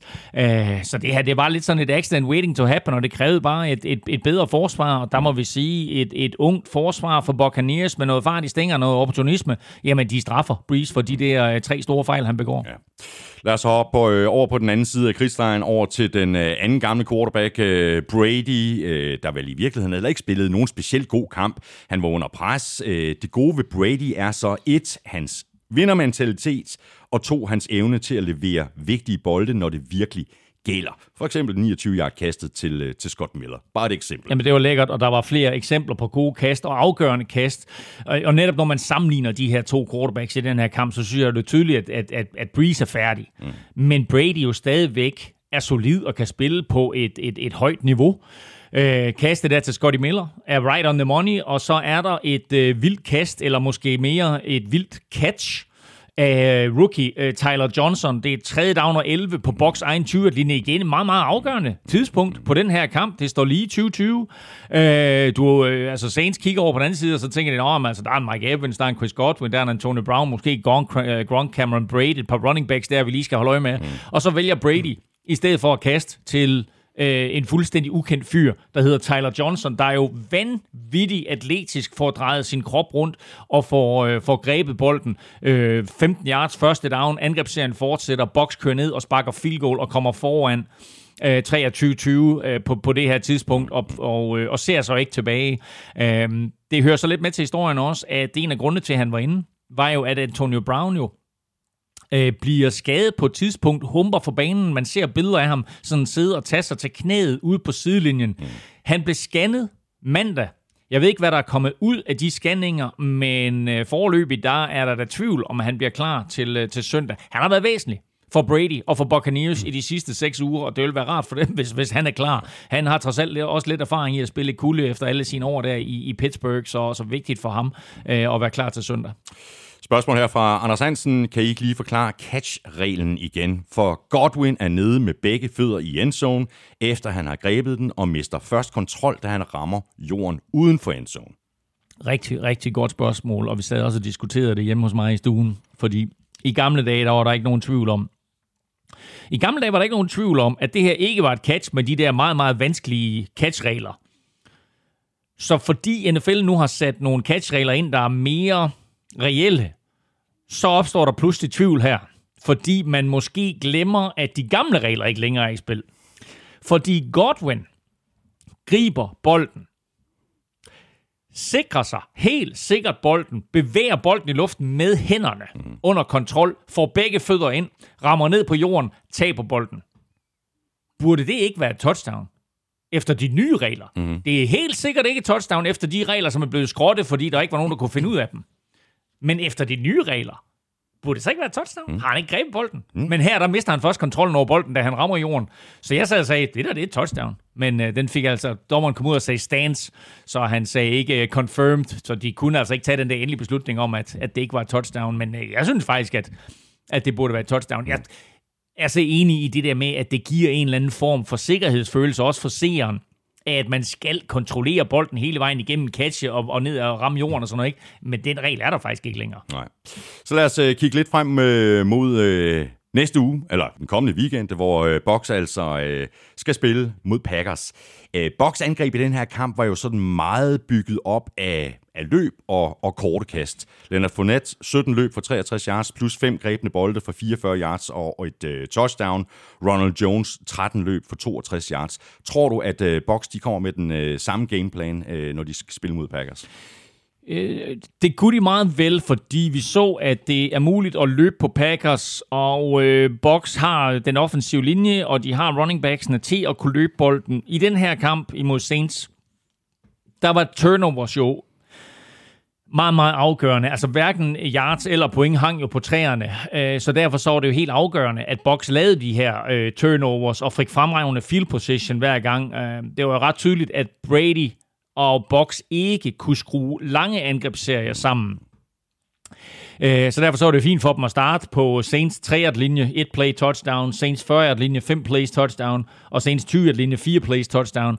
Øh, og det kan de bare ikke håbe på at få igen imod Packers. Eller også så kan de, fordi det kan godt være, at det er den måde, de skulle vinde kampen på. Det er ved at, at, at fremtvinge nogle turnovers. Og det er da klart, at med, med, hvis vi tager væk, han kommer tilbage, og ham og Sue kan lave noget pres og få Aaron Donald til at begå en fejl eller to, og de på en eller anden måde formår at tage der til Adams ud af kampen, jamen så kan det godt være, at de kan få de her turnovers. Men ellers så skal de jo finde ud af, hvordan de konstruerer et angreb, hvor de kan bevæge bolden på at bruge måske 10, 12, 14 plays, på at score. Mm. For det kunne de faktisk ikke i den her kamp imod Saints, som jo havde et godt forsvar, men som måske nok også havde et bedre forsvar, end det Packers forsvar, Box kommer op imod.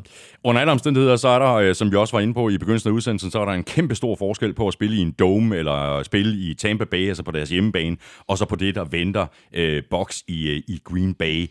Hvad skal vi holde øje med, Elming, øh, i den her kamp? Hvad bliver afgørende? Jeg tror, øh, pass rush tror jeg bliver, bliver super afgørende.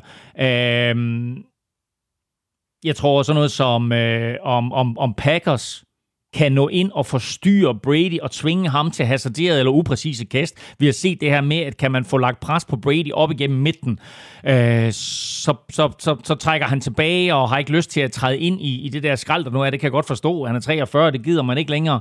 Øh, så de skal jo på en eller anden måde tvinge ham øh, til at lave nogle upræcise kast. Og på den anden side af bolden, der bliver øh, forsvaret sådan set også afgørende for, for Box, som jeg lige var inde på her. Øh, kan de stoppe Rodgers? Øh, kan de stoppe Devante Adams? Kan de sætte en prop i den her maskine, som, øh, som Packers jo bare har opbygget? Øh, og som de jo gjorde i spil u 6, hvor de jo lavede ikke blot en pick 6, de lavede på to plays i træk. Altså, Aaron Rodgers har kastet er det fire pick 6 i sin karriere, inden han møder Box der i spil u 6. Så kaster han pick 6, bum, returnerer til touchdown. Angrebsserien efter, der laver Box endnu en interception, hvor spilleren, jeg tror den det var Devin White faktisk, nej det er det ikke, fordi det var hans første weekend, jeg kan ikke huske, hvem det er, øhm, bliver taklet på Packers 1-2-3-linje aktivt andet. Så, så Aaron Rodgers var meget tæt på at kaste to pick 6 i træk i den der kamp. Og kan Box gå ind og gøre det der igen? øh, og forvirre øh, Rodgers og, og, og tvinge ham til nogle kast, som han ikke har lyst til, øh, eller måske bare læse ham. Mm. Jamen, så har da naturligvis en chance. Ja, Box de har en chance, men de skal godt nok ind og, og, og vise Rodgers noget andet end det, som, som andre hold har vist ham, fordi Altså, jeg synes jo bare, at Rodgers, han bliver bedre uge for uge i det her system. Står, jeg tror sjældent, jeg har set en quarterback stå bedre i lommen, end, end Rodgers øh, gjorde her i weekenden. Han står så roligt, og den der måde, han bevæger sig ind i lommen på, det er bare lækkert. Det er nogle små, bitte skridt, han tager ind i lommen, men alt er fokuseret på at holde ham væk fra presset, samtidig med, at han kan holde øjnene ned ad banen. Og det kræver bare en øh, masse rutine, øh, og så nogle kæmpe coronas. Ja. Det bliver en øh, fantastisk fed kamp. Øh, Saints sæson er slut. De har pick nummer 28. Box de er altså videre til øh, konferencefinalen, hvor de spiller mod Packers på Lambeau Fields. Ja, vi er nødt til lige at bringe et enkelt spil op fra Saints, nemlig det der trickspil, som øh, de scorede 56 yard touchdown på. Øh, James Winston kommer ind uh, og kaster et touchdown, i øvrigt ironisk nok jo imod, så er det, så er det både hans playoff debut og hans første playoff touchdown, så er det ironisk nok jo imod det hold, der draftede ham nummer et overall i 2015, tror jeg det var. Ikke? Uh, men det der touchdown, kunne du genkende det? Kunne du genkende det play? Så, ved du, hvor Saints har det fra? Mm, nej, ikke lige umiddelbart. Jeg tweetede det med det samme, og så gik der cirka en time, inden det amerikanske tv-selskab, de, de fandt det frem. Fordi det play var jo fuldstændig det play, som Chicago Bears kørte imod Saints, som de missede Oh, hvor Wims ja. han jo taber ja, hvor han bolden. Taber, hvor, han, ja, hvor han er fuldstændig blank og åben, og han skal bare gribe den Præcis. Bold. Men her... Er, der, det, er det identiske spil? Det er fuldstændig identiske spil. Og jeg så det med det samme, jeg tænkte, det der, det har, det har de da taget direkte fra ugen før. Og øh, de kørte det så bare lige en tak bedre, for det, øh, det, det gav touchdown i den her kamp. Så NFL er en copycat league, og det her det ja. fungerede med for Saints. Men det var altså ikke nok for Nej. dem. I øvrigt, i, i forhold til uh, Drew Brees, der nu øh, med, med al sandsynlighed øh, takker af, hvad gør Saints på quarterback-positionen? Nu øh, nævner vi lige øh, James Winston, der kommer altså ind på det her trickspil og, og scorer øh, et, øh, et 56-yard øh, touchdown. De har også Taysom Hill. Jeg ser bare ikke øh, nogen af de to som, øh, som løsningen for Saints. Nej, det gør jeg heller ikke. Øh, eller det ved jeg faktisk ikke, fordi altså, nu skal man også lægge mærke til, at i den her kamp, der har Saints jo hverken Taysom Hill eller Latavius Murray til rådighed, og det gør jo ikke sagerne nemmere for, for Breeze og, og Saints angreb, at de begge to øh, sidder udenfor. Men, men, men tag nu Tag nu Taysom Hill. Altså, han er jo en... Jeg ved ikke, hvad, hvad, hvad, hvad du vil kalde ham, om du vil kalde ham en, en øh, løbende quarterback, eller du kalder ham en kastende fullback, mm. men den måde, som han spiller quarterback på, er bare ikke holdbart i NFL. Altså, det er da super fedt at se ham, når han kommer ind som sådan en gimmick-spiller og løber hen over folk, eller mm. er, er, er uhåndterbar og så videre. Men du kan bare ikke spille quarterback på den måde i 16 kampe i træk. Så godt nok har de givet ham en stor kontrakt af det der, men han er ikke en startende quarterback.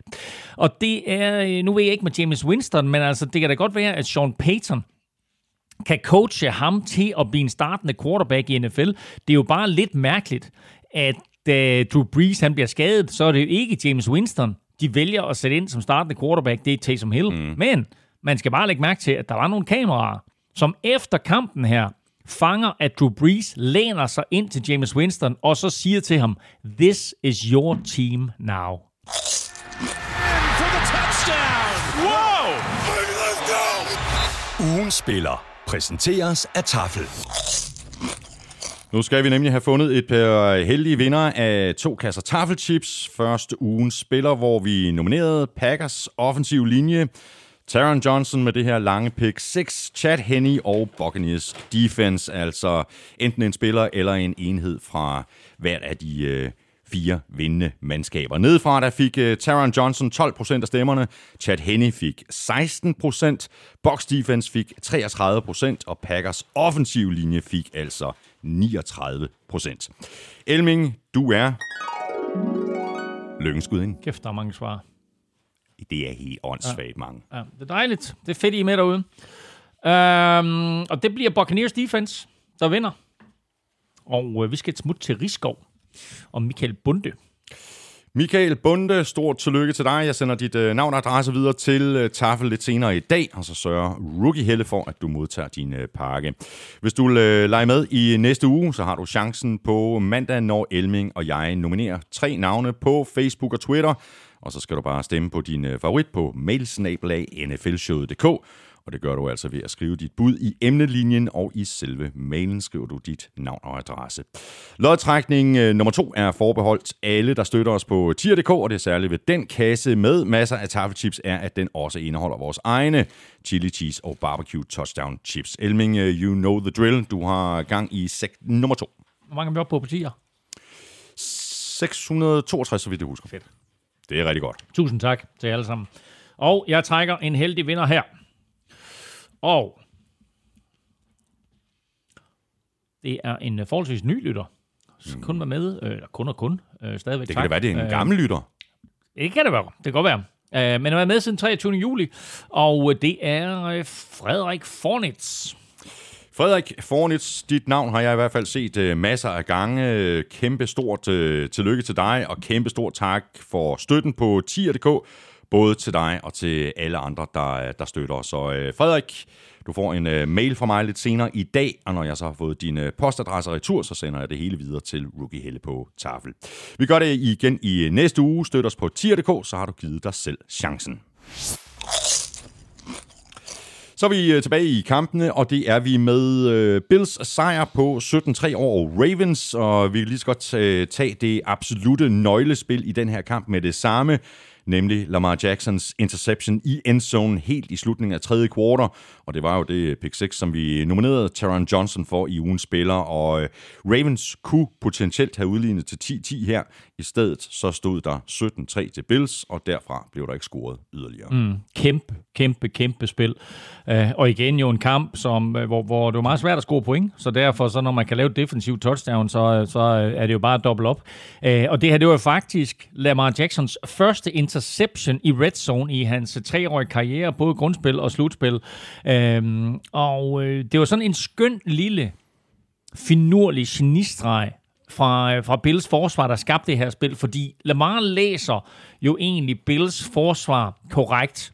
Men Bills, de har sådan en 20-knægt mm. øh, legnet op, som Lamar han aldrig ser.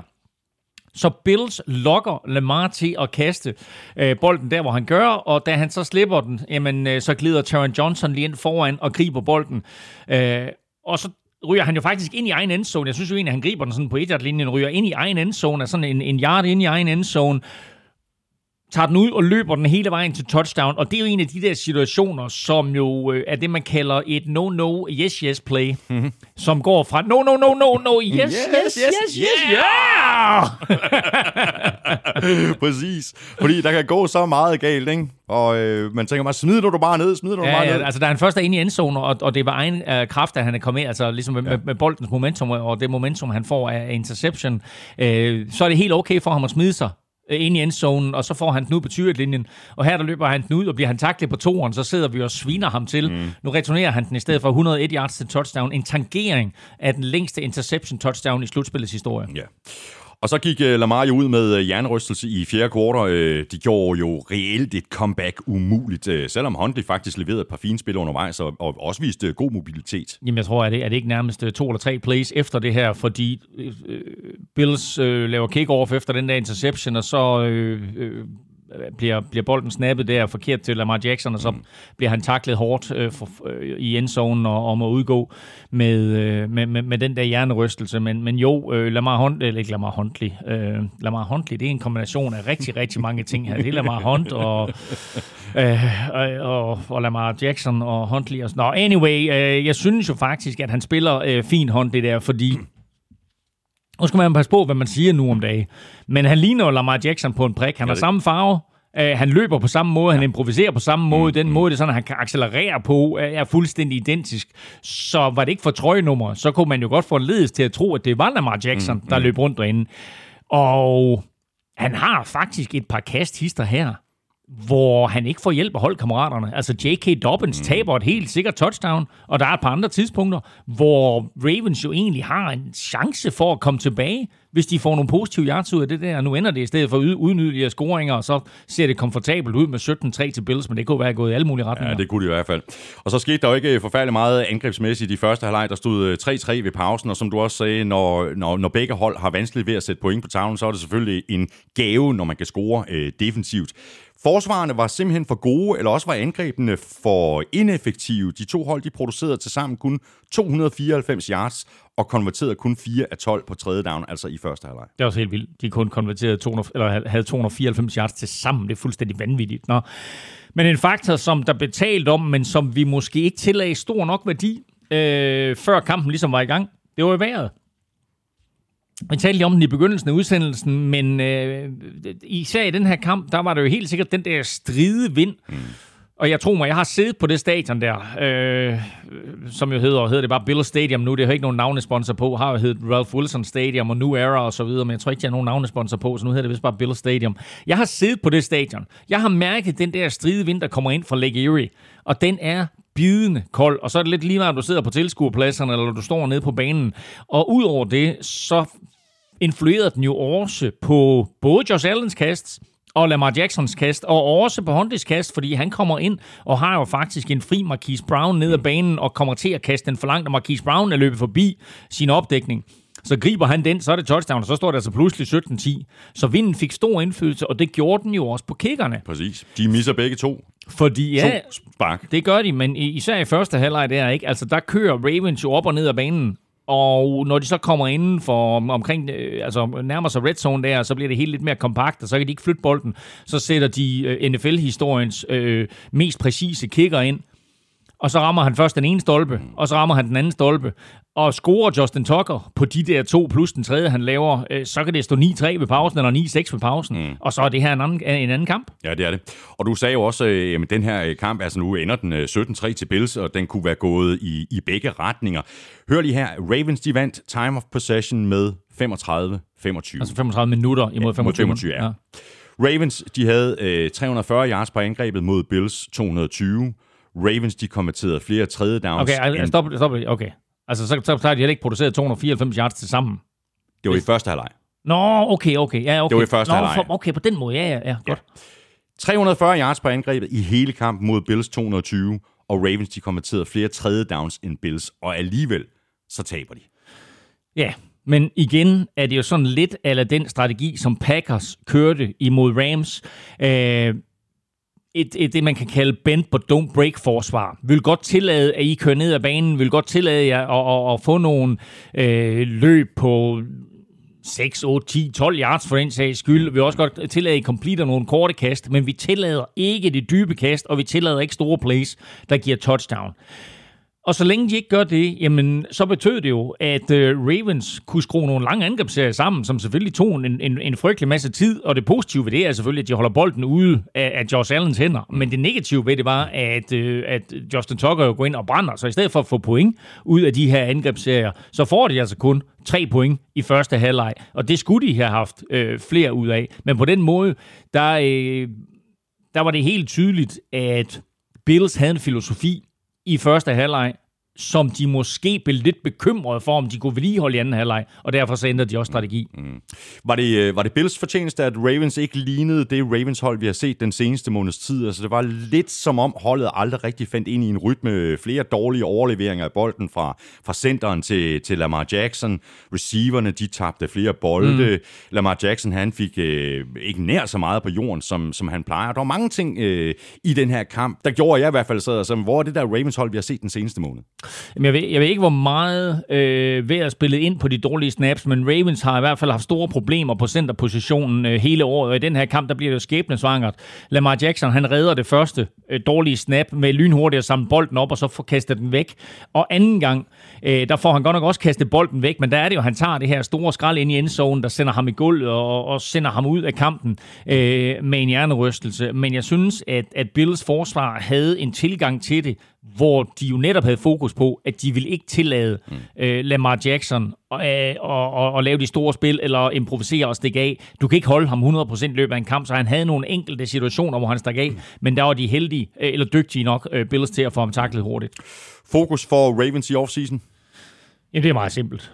De skal have fundet et kastangreb. De skal have bygget et kastangreb. Offensive coordinator Greg, Greg Oman har vi rost flere gange her, fordi han har været fænomenal til at folde Lamar Jacksons øh, kvaliteter ud. Men det er jo primært øh, det her løbeangreb, og det her fuldstændig vanvittige løbeangreb, de har fået bygget, men de skal lave og få bygget et mere effektivt kastangreb oven på det her, øh, oven på den her løbetrussel. Om de så helt skal skifte koordinator, eller de måske skal hive sådan en passing game assistent eller koordinator ind, øh, det må tiden vise, men de skal i hvert fald øh, i, i den retning på en eller anden måde, fordi det kan ikke nytte noget, at de er så øh, ensidige, som de er her. Jeg synes jo, Ravens rent talentmæssigt er rigtig, rigtig godt besat, så det er små ting, der mangler. Øh, måske... Øh, var det en idé at kigge efter en stabil center. Øh, og så måske en, en Stefan Dix-type, altså en mm, receiver, mm. sådan en virkelig go-to-guy receiver, ja. som, øh, som kan hjælpe dem. Ja. Bills øh, lidt skuffende rent angrebsmæssigt i den her kamp. Øh, der skal de i hvert fald lige øh, måske et, et gear eller to op, øh, når, de, øh, når de skal op imod øh, Chiefs. Jo, men ved du hvad, prøv at høre. De spiller mod Coles i øh, den første uge, og de spiller mod Ravens i den anden uge. Og det er to virkelig, virkelig gode forsvarer, de er op imod, og der er også noget værd i den her kamp, man skal tage højde for. Bills, de vinder stadigvæk, og det er det afgørende. Og nu kommer de op imod et uh, Chiefs-mandskab, som et uh, forsvarsmæssigt ikke er på højde med de to hold, de har slået, og to måske uh, er uden uh, Patrick Mahomes. Ja, og så er spørgsmålet om uh, Bills defensive strategi, som vi også var inde på mm. lidt i begyndelsen af udsendelsen. Nu blitzede de jo rigtig, rigtig meget i den her kamp. Jeg mener på omkring 40 procent mm. af alle defensive snaps, der blitzede de. Normalt der ligger de på en 30-35 procent. Det kan vi måske også vente med at, at, at folde ud, Nej, indtil vi taler, taler, taler, taler matchuppet ja. Jamen, med, med Chiefs, om, om, om, om, de, om de kommer til at angribe på, på, på samme måde. Og det er en vigtig pointe, det der med hensyn til blitzes, også i forhold til den her kamp her, fordi det er jo egentlig lidt interessant med, med, med det her, med den måde Ravens og Bills blitzede på i den her kamp, for det var sådan lidt den omvendte verden. Det plejer at være Ravens, der blitzer meget, Øh, de valgte i stedet for at, at prøve at lægge pres på Josh Allen med fire mand, og så trække tilbage i opdækningen, og på den måde sørge for, at, at han ikke kunne levere de der øh, lynhurtige bolde, som, som han øh, har gjort de sidste to-tre måneder.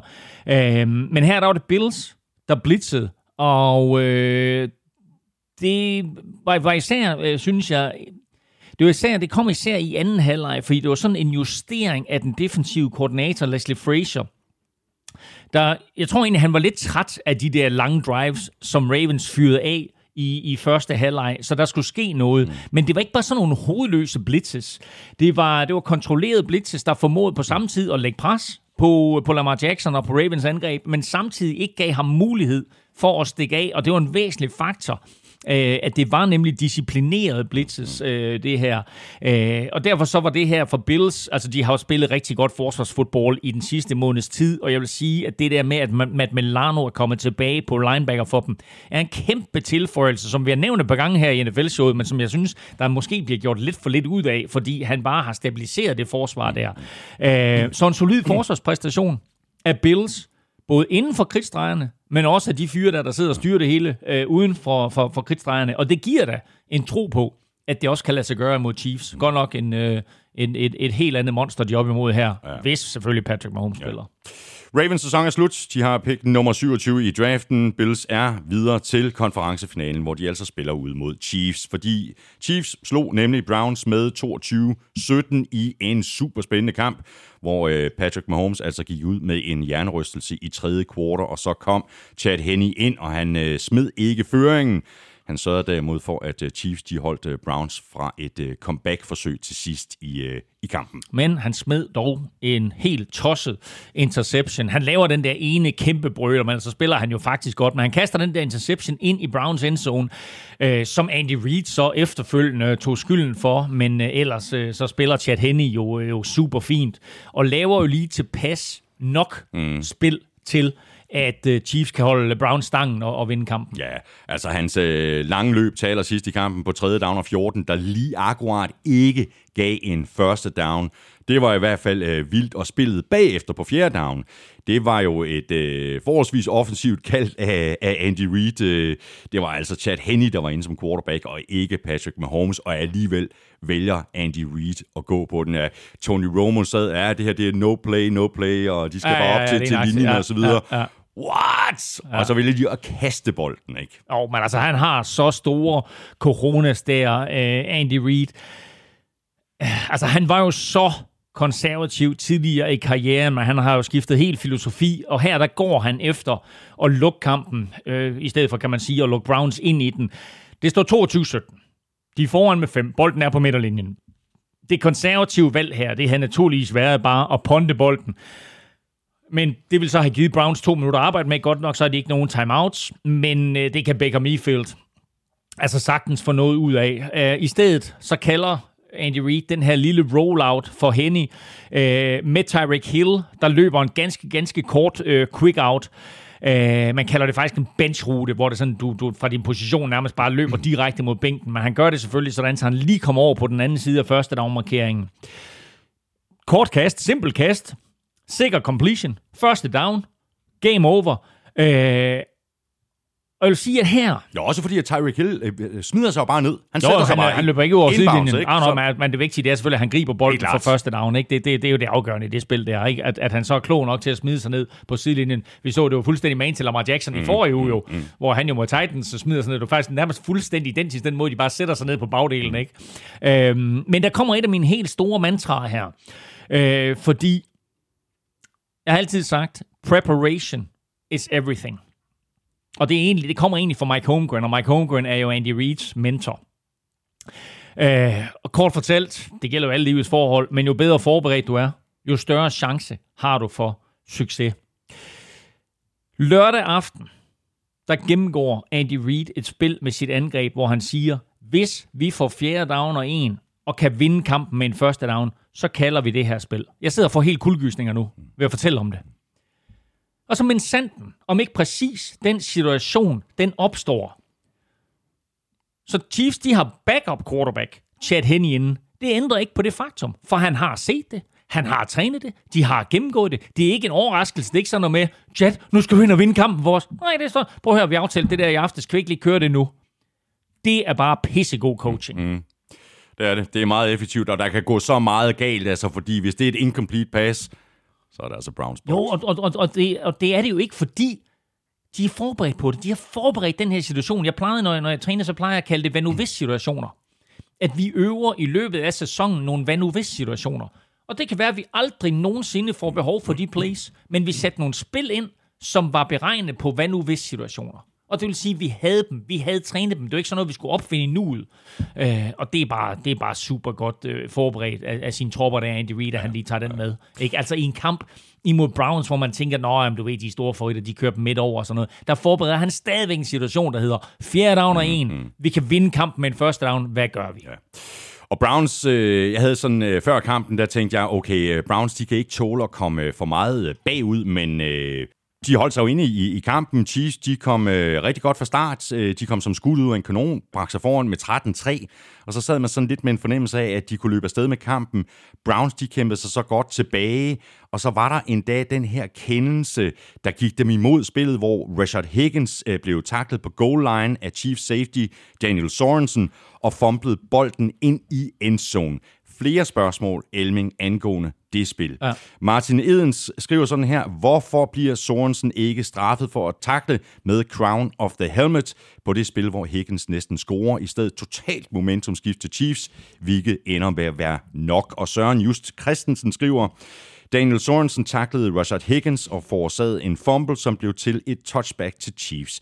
Kan I ikke forklare den regel nærmere? De amerikanske kommentatorer mente også, at Sorensens takling var ulovlig, men jeg forstår ikke, hvorfor spillet så ikke bliver dømt ugyldigt. Håber, I kan forklare det. Jamen altså, det er jo, det er jo en kombination af regler og ikke regler, det her, fordi du kan ikke se penalties igennem. De eneste penalties, du kan se igennem, det er sådan noget med, altså, hvor der er en linje involveret. Det vil sige, at quarterbacken er han over line of scrimmage, inden han kaster. Den type penalties kan du se igennem, se igennem eller du kan også se en penalty igennem, hvis der er for mange mand på banen. Du kan ikke se holding igennem, face mask igennem, uh, illegal hits som det her. Uh, og det er måske lidt en fejl i NFL-reglerne, især på den måde, som spillet har udviklet sig på. Og kigger man på college, jamen, så har de jo faktisk netop taget det her med. De kalder det targeting. Targeting, T-A-T, altså ligesom target, altså targeting. Øhm, hvor de jo kan se plays igennem, hvor de føler, at en forsvarsspiller øh, bevidst, øh, eller endda ubevidst, rammer med toppen af hjelmen og får smadret en modstander. I givet fald, der er det en 15 straf, og den spiller bliver smidt ud. Jeg gennemgik en situation tidligere på sæsonen, da Vikings de mødte Cowboys. Der vælger Cowboys at se et spil igennem, hvor Kirk Cousins måske, måske ikke har fumblet. Replay viser helt sikkert, at han fumbler. Cowboys får bolden, men det samme replay viser også, at han kun fumbler, fordi han bliver ramt med hjelm til hjelm i hovedet. Den hjelm til hjelm kan ikke, kan ikke dømmes, men fumblen kan. Mm. Og det er jo en helt klar fejl i NFL-reglerne.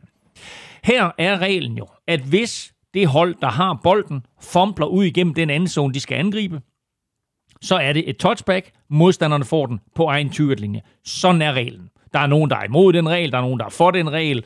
Jeg har ikke nogen holdning til det. Jeg synes, det er en del af NFL-reglerne. Jeg synes, det er et spændende aspekt af NFL-reglerne, at hvis man kommer til at fomple bolden ud igennem modstandernes endzone, så er det modstandernes bold. Jeg synes, det, jeg synes, jeg synes sådan set, det er et spændende aspekt øh, at tage med her. Men det væsentlige i det her, det er jo, at der kan vel sagtens, nu siger jeg vel sagtens, fordi det går meget, meget stærkt osv., men der kan vel sagtens ikke være tvivl om, at det er et ulovligt hit fra Daniel Sorensen. Mm. Øhm, og derfor, så er det jo en katastrofe det her, at det får lov til at stå, bolden triller ud igennem endzonen, det bliver Chiefs bold, i stedet for, at det bliver en reducering til 13-10. Det er, det er kæmpe forskel. Ja. Når det så er sagt, så hører det også med til historien, at i det øjeblik, at han fumbler den ud der, der sidder McCourty-brødrene, øh, de to tidligere øh, tvillinger der fra, fra New England Patriots, eller de er der jo stadigvæk, øh, de sidder og tvivler, eller de sidder og tweeter. En hver, der har spillet for Bill Belichick, ved, at man strækker aldrig bolden ud. Og Kevin Stefanski siger på det efterfølgende pressemøde, at det er en af vores, det er en af vores helt klare regler. Man strækker ikke bolden ud. Så det er jo sådan set en fejl af Daryl Williams, at han gør det her og strækker bolden ud, og så bliver ramt og fumbler. Han ved, at du gør det måske på en fjerde down, fordi du ved, at det er sidste chance, og du ved, måske er det fjerde goal, så gør du det. Men du gør det ikke, når det sådan, du lige har skaffet første down på 1 linjen ikke? Altså, hvis han bare bliver taklet der, så har Browns bolden på 1 linjen Så det er en mental brøller for ham. Det er også et ulovligt hit for Daniel Sørensen, og det er måske en fejl i den måde, NFL-reglerne er konstrueret på. Mm. I gamle dage, altså, oh, no, okay, ja. Ja, for sidste år, ja. for i år, for fem år ja. siden, øh, der havde det her spil øh, mere eller mindre reddet tæppet væk under Browns. Er du ikke mm. enig? Altså, med, med det her Browns-hold, øh, så, ja. så, er det sådan noget andet. Ja, det er fuldstændig rigtigt. Ikke? Og det er vel øh, Kevin Stefanskis øh, credit, er det ikke, er det ikke hans fortjeneste? Skal vi ikke bare sige, at Kevin Stefanski, han, øh, altså deres head coach der, øh, er den rigtige mand på det rigtige tidspunkt? Øh, han er kommet ind, og han har jo høstet frugterne, men også sørge for at raffinere de her vindruer til, til en, en, en, en smuk og moden vin. Øh, fordi alle de der picks og alt det arbejde, som hans forgængere til dels på head coach, men jo især på ledelsesgangene og analytics, har lavet, dem har han jo arvet. Og så har han jo på en eller anden måde taget det her forholdsvis lækre spillermateriale, og så bygget et fedt system.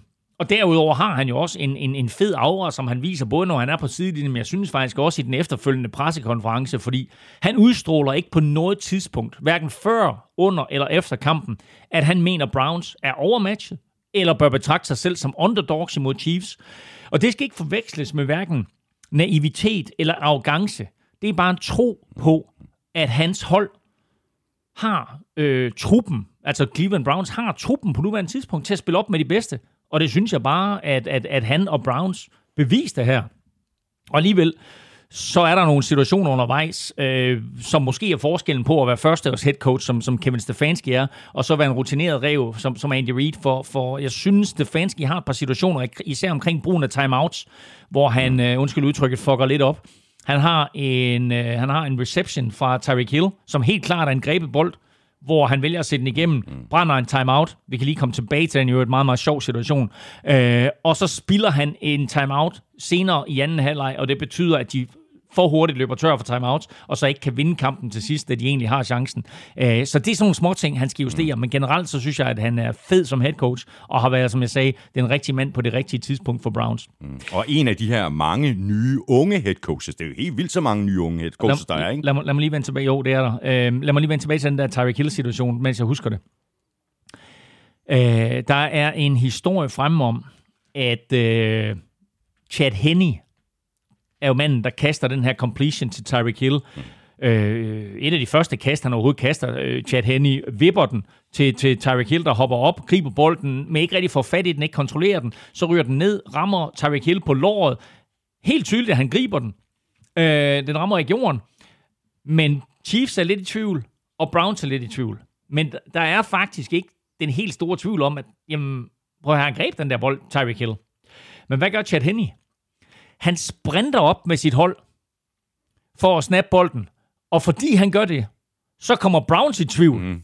om den er der. Og så vælger Kevin Stefanski at kalde en timeout og få den set igennem. Og helt tydeligt, og hvis det er rigtigt, at Chet Henney han er helt opmærksom på det der, og får Kevin Stefanski og Browns til at, at brænde timeout, så viser så det, jo, bare, genialt, så viser det jo bare, hvor rutineret han ja, er. Han, er jo, han har også været, han har været 13 år i ligaen og sådan noget. Chet Henney, mm. primært som backup, har spillet, han har været starter i NFL før, ikke? men altså nu primært backup. Men det er jo bare genialt af ham. Mm.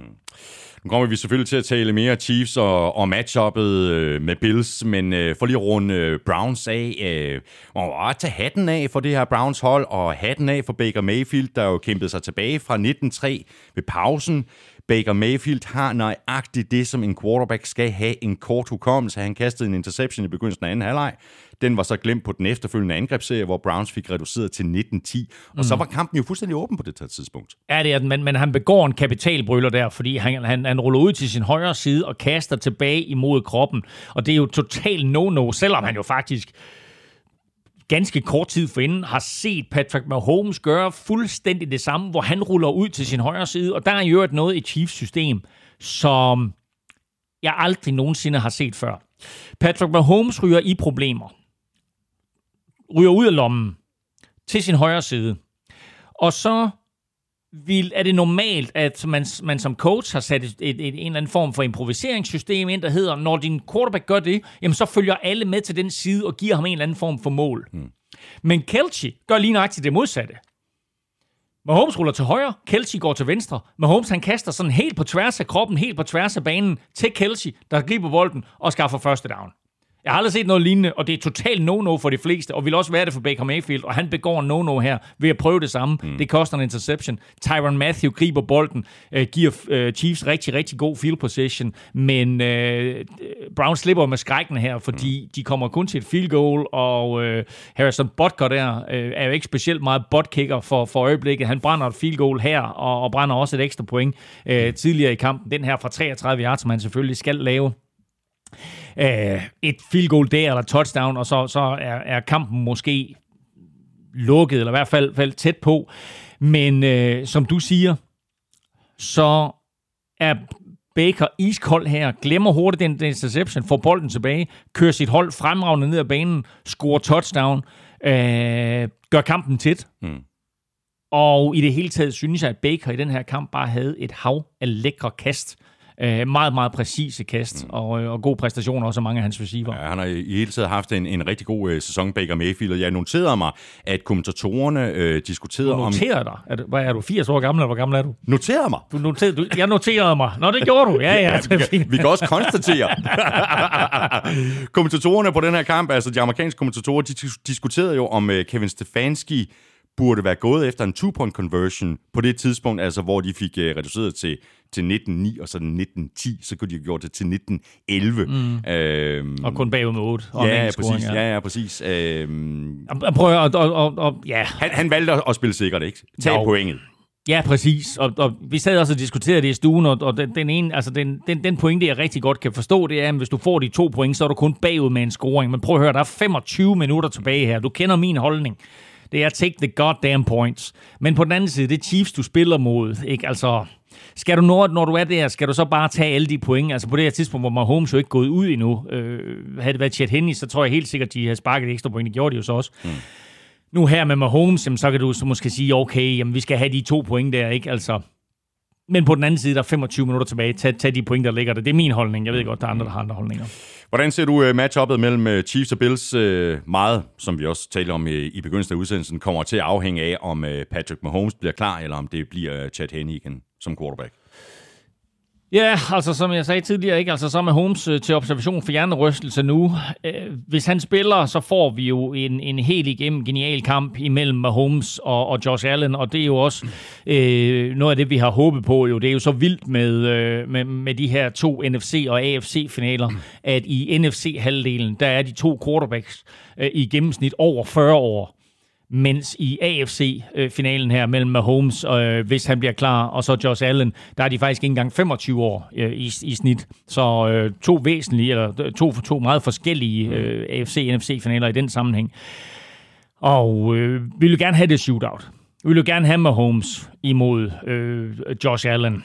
Hvis, hvis, hvis Bills de kommer ind, og, og de vinder på Arrowhead, og spiller sig i Super Bowl, så vil der jo altid være den der med, ja, ja, men Chiefs havde heller ikke med Holmes. Så for Bills vil jeg faktisk sige, at det kan godt være, at det bliver nemmere at vinde over Chiefs, hvis det er Chad Henney, der spiller. Men det vil være en større præstation, og, ja, det, vil, og det vil for evigt, du mm. ved, altså være, hey, de, de, de, de slog Colts, de slog Ravens, de slog Chiefs ud af slutspillet, ikke? Uh, hvis de slår Chiefs uden med Holmes, så vil der altid være sådan en lille stjerne. Ja, ja. ja men det var fordi, ja, præcis, at det var uden Patrick Mahomes. Ja. Hvad bliver afgørende i den her kamp? Altså udover, øh, om, om det bliver Patrick Mahomes eller Chad Henney? Mm forsvar. Mm. Æh, Kommer Bills til at blitse lige så meget? Nu talte vi om det før.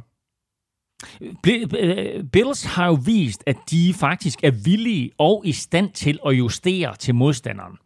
Øh, de gjorde det mod Coles, og de gjorde det imod øh, Ravens, øh, og jeg vil også tro, at de kommer til at gøre det imod øh, Chiefs. Problemet er så her, som vi talte om det tidligere, at de skal pludselig ud og, og forberede sig til to forskellige quarterbacks. Der er jo en måde at justere på. Hvad gør vi, når Mahomes han for eksempel scrambler selv? Og hvad, hvad, hvad, hvad gør vi med Chad Henney? Hvad, hvad, hvad, hvad, hvad bånd har vi på Chad Henney? Hvad ved vi om ham? Hvor længe siden? Hvad er det, hans kvaliteter er? Og så videre. Man skal ikke tage fejl af Chad Henney. var jo i, altså i en ganske, ganske ung alder. Vi snakker sådan noget 13-14 år jo var han jo en superstjerne øh, i high school. Kommer til Michigan, som jo også er der, Tom Brady har gået, øh, starter alle fire år, som er ret usædvanligt på højeste college-niveau, starter alle fire år som quarterback for Michigan, gør det rigtig godt, bliver draftet, mener han blev draftet i anden runde, eller blev han draftet i første runde, det er også lige meget. Øh, og kommer ind og starter i NFL og spiller nogle år for Miami Dolphins, og har så været sådan, altså har aldrig rigtig fået den der faste starterplads. Men det er jo en super rutineret quarterback og en super god atlet, som vi også så på det der play, du bragte op mm, tidligere, mm, mm. hvor han stikker af. Det er øh, anden down og 14. Nej, det er tredje down og 14. Og så stikker han af til sin højre side der, øh, forsvarets venstre, og, eller om til sin egen venstre side, forsvarets højre side, og får 13 ud af de der 14 yards på en scramble, øh, og så er det playet til Tyreek Hill kommer bagefter. Og det play der er jo bare kæmpe, kæmpe stort for Chiefs, og også en kæmpe kapitalbrøller for, for, øh, for Browns. Og det er jo sådan nogle ting, som Bills de skal forberede sig på. Når pludselig så har han de der kvaliteter, og det har Mahomes selvfølgelig også, men altså vi så også i øvrigt med Mahomes, vil jeg lige sige, øh, han har jo ondt i foden i den her kamp. Der sker jo et eller andet i den her kamp, hvor han får ondt i foden. Øh, og halter jo, humper jo øh, i lang tid, inden det sådan, at han, han, bliver, han bliver skadet der. Så jeg synes jo egentlig, at den der beslutning fra Andy Reid om at lade Mahomes løbe sådan en option, på det, på det play, hvor han bliver skadet, er jo helt vanvittig. Hvad skal Mahomes til at løbe derfor? Du har med Cole Hartman, eller du har Tyreek Hill, øh, alle mulige andre, som du kan give bolden. Hvad skal du til at, at lade Mahomes løbe bolden for der? Øh, så det synes jeg egentlig var en, en, en kæmpe brøler øh, af Andy Reid. Øh, men når det er så sagt, jamen, altså, jeg tror, det bliver forsvaret, der bliver afgørende i, i den her kamp. Kan Bills stoppe Chiefs, jamen, så er der en chance for, at de vinder. Bliver det sådan et, et, et Mahomes Tyreek Hill show, så får det det svært. Mm. Browns har haft deres øh, suveræn bedste sæson i årtier. Nu er det altså slut for i år. De har pick nummer 26 i draften. Chiefs er videre, og de har hjemmebane i den her fantastisk fede konferencefinale, håber vi, mod Bills. Det var øh, divisional-kampene, lige om lidt, der ser vi frem mod de to konferencefinaler, når vi skal have sat vores øh, picks. Inden vi gør det, skal vi lige omkring øh, den øh, digitale abonnementstjeneste BookBeat, som du kan få adgang til i en hel måned, ganske gratis, hvis du går ind på bookbeat.dk-nfl. Hvis du gør det, så får du blandt andet mulighed for at lytte til den her. Then he has to tell all of us the plan in this loud, constantly changing environment before he finally snaps the ball to the quarterback. That's a lot of shit. And yes, it gets better. Jack is a fanatic when it comes to pace, always wants us to move faster. So, for all that shit, getting the play, reading the defense, shouting the plan, snapping the ball, all of it, Wilton's got exactly 18 seconds. That's it. 18 seconds every single play. And Wilton currently looks absolutely terrified. He's standing off to the side, away from the group, shifting on his feet, kind of mumbling to himself. Our leader reeks of fear, and we're almost up. I sigh, put on my friendliest smile. I can be friendly when necessary, and head over. Hey, honey, and I can't even finish my disarming greeting. The guy just starts rambling. Man, he whispers, did you hear what they said to me? Did you? Fuck, looks like my ship has sailed. Yep, my ship has most definitely sailed. I have no clue what the fuck he's talking about. Relax, baby, I say. Have fun, it's a game. I punch him on the shoulder, and Wilton looks like he's gonna puke. For all I know, he already has. But what the fuck can I do? I'm not the center, I'm the left guard. My job is to stand to his left and do what he says. Wilton leads, I follow. NFL Confidential, Elming, øh, den er nøjagtig lige så fed, som den lyder. Prøv at den er mega, mega fed, og den er jo skrevet, det hedder NFL Confidential, og den er skrevet af en anonym forfatter, som i starten af bogen siger, hey, øh, prøv at finde ud af, hvem jeg er, det, det, det lykkes der alligevel ikke, men der er rigtig mange, som så har lagt alle de her små clues sammen, der er i bogen til, hvem det kunne være, og øh, angiveligt er det en tidligere backup offensive lineman fra Philadelphia Eagles, der har skrevet den her bog. Og det fede ved den her bog, det er, at du kommer helt ind bag ved kulisserne til træning, til når det drejer sig om, som i den her situation, om man gør det godt nok til at blive på holdet. Øh, du kommer ind på, på sådan noget som øh, steroidebrug i NFL, øh, forholdet til, til kærester, koner, forholdet til trænere, forholdet til, hvad hedder det, forholdet til holdkammerater, hvide og sorte, og den, den opdeling, der er der, og så videre. Øh, de, de, den homofobiske tilgang, som var i NFL øh, på, på det her tidspunkt omkring hele det der med Michael Sam kom ind i ligaen og alt muligt. Alt sammen beskrevet øh, fra en øh, altså virkelig insider vinkel. Og det her, det var den første bog selvfølgelig, fordi jeg er nørd, som jeg lyttede til mm. på, på BookBeat. Jeg er næsten færdig med den, og den er super, super fed, og bare en af, af mange forskellige øh, titler, der ligger derinde, også med hensyn til sportsbiografier og andre sportsbøger. Præcis, der er nok at tage fat på, men altså NFL Confidential, kæmpe anbefaling herfra, den ligger altså på BookBeat, og du skulle tage og signe op på øh, bookbeat.dk-nfl, så øh, får du nemlig en hel måned gratis. Der er både lydbøger og e-bøger, og du kan selv vælge, om øh, du vil downloade eller streame dem på din øh, mobiltelefon eller tablet. Der er over 200.000 titler at vælge mellem, så der er, for noget at sige det pænt, rigeligt at vælge mellem.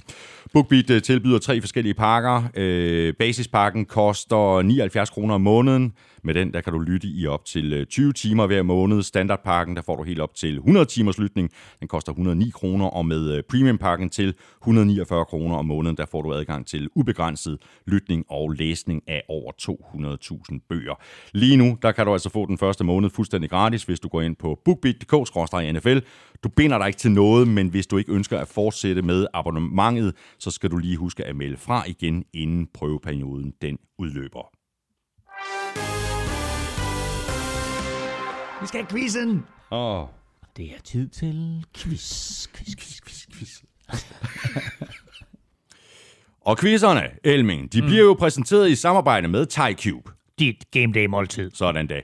Og ved du hvad, øh, det er jo meget lidt spændende i dag. med hensyn til svarene i quizzerne, fordi vi stillede nøjagtigt de samme det er spændende spørgsmål. for dem, der sidder og lytter med, jo. Ja, det er rigtigt. Ikke? Altså, de ved Det det, ikke. rigtigt. Vil du, øh, vil du have fornøjelsen af at, at, at svare på spørgsmålet?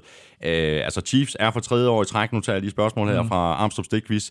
Chiefs er for tredje år i træk vært for AFC-finalen. Et hold har tidligere været vært for tre konferencefinaler i træk. Hvilke hold? Og det andet hold, det er Philadelphia Eagles, som var det i 2002-sæsonen, 3-sæsonen og 4-sæsonen, hvor de øh, tabte alle tre gange på hjemmebane til henholdsvis Buccaneers, Panthers og... Nej, de slog Falcons i den sidste. Ja, de vandt den sidste. De vandt, vandt over Falcons i den sidste, hvor de så kom i Super Bowl og, øh, og tabte til Patriots.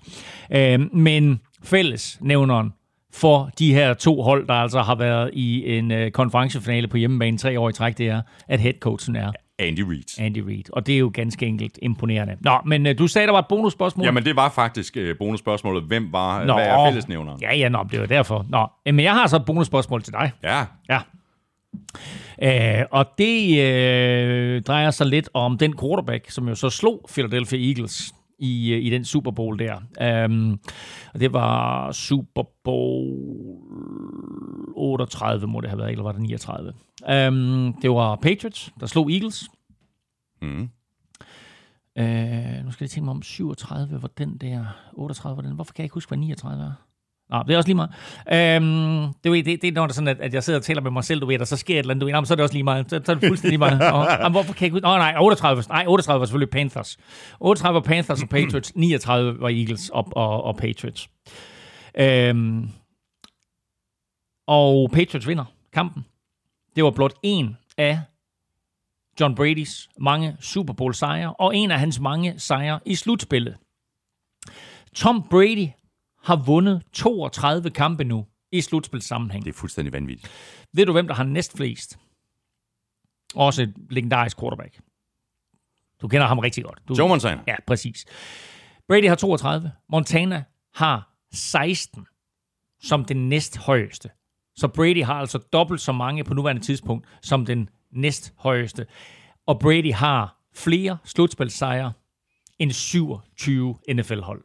Jamen, det er så fuldstændig vanvittigt. Det bliver svært at slå, ikke? Det bliver umuligt at slå. The GOAT. Ja, virkelig. Så er vi fremme ved vores øh, picks til øh, konferencefinalerne. Lukas Willumsen, The Statman, skriver sådan her. Thomas kørte Claus midt over i denne runde, da han med fuld plade vandt uh, runden sejt. med 4-1.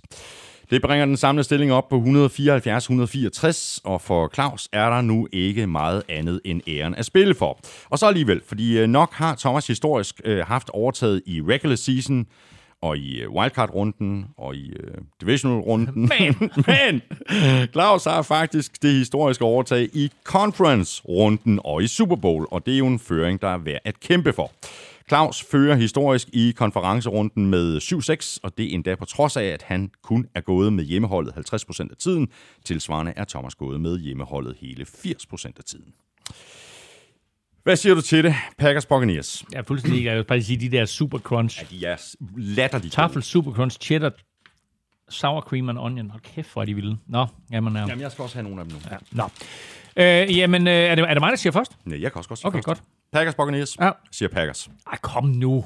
Det gør jeg. Jamen, jeg siger også Packers. Okay. Nej, jamen, jeg er nødt. Nej, jamen, nej, her der går vi efter. Ja, jeg siger Packers. Godt.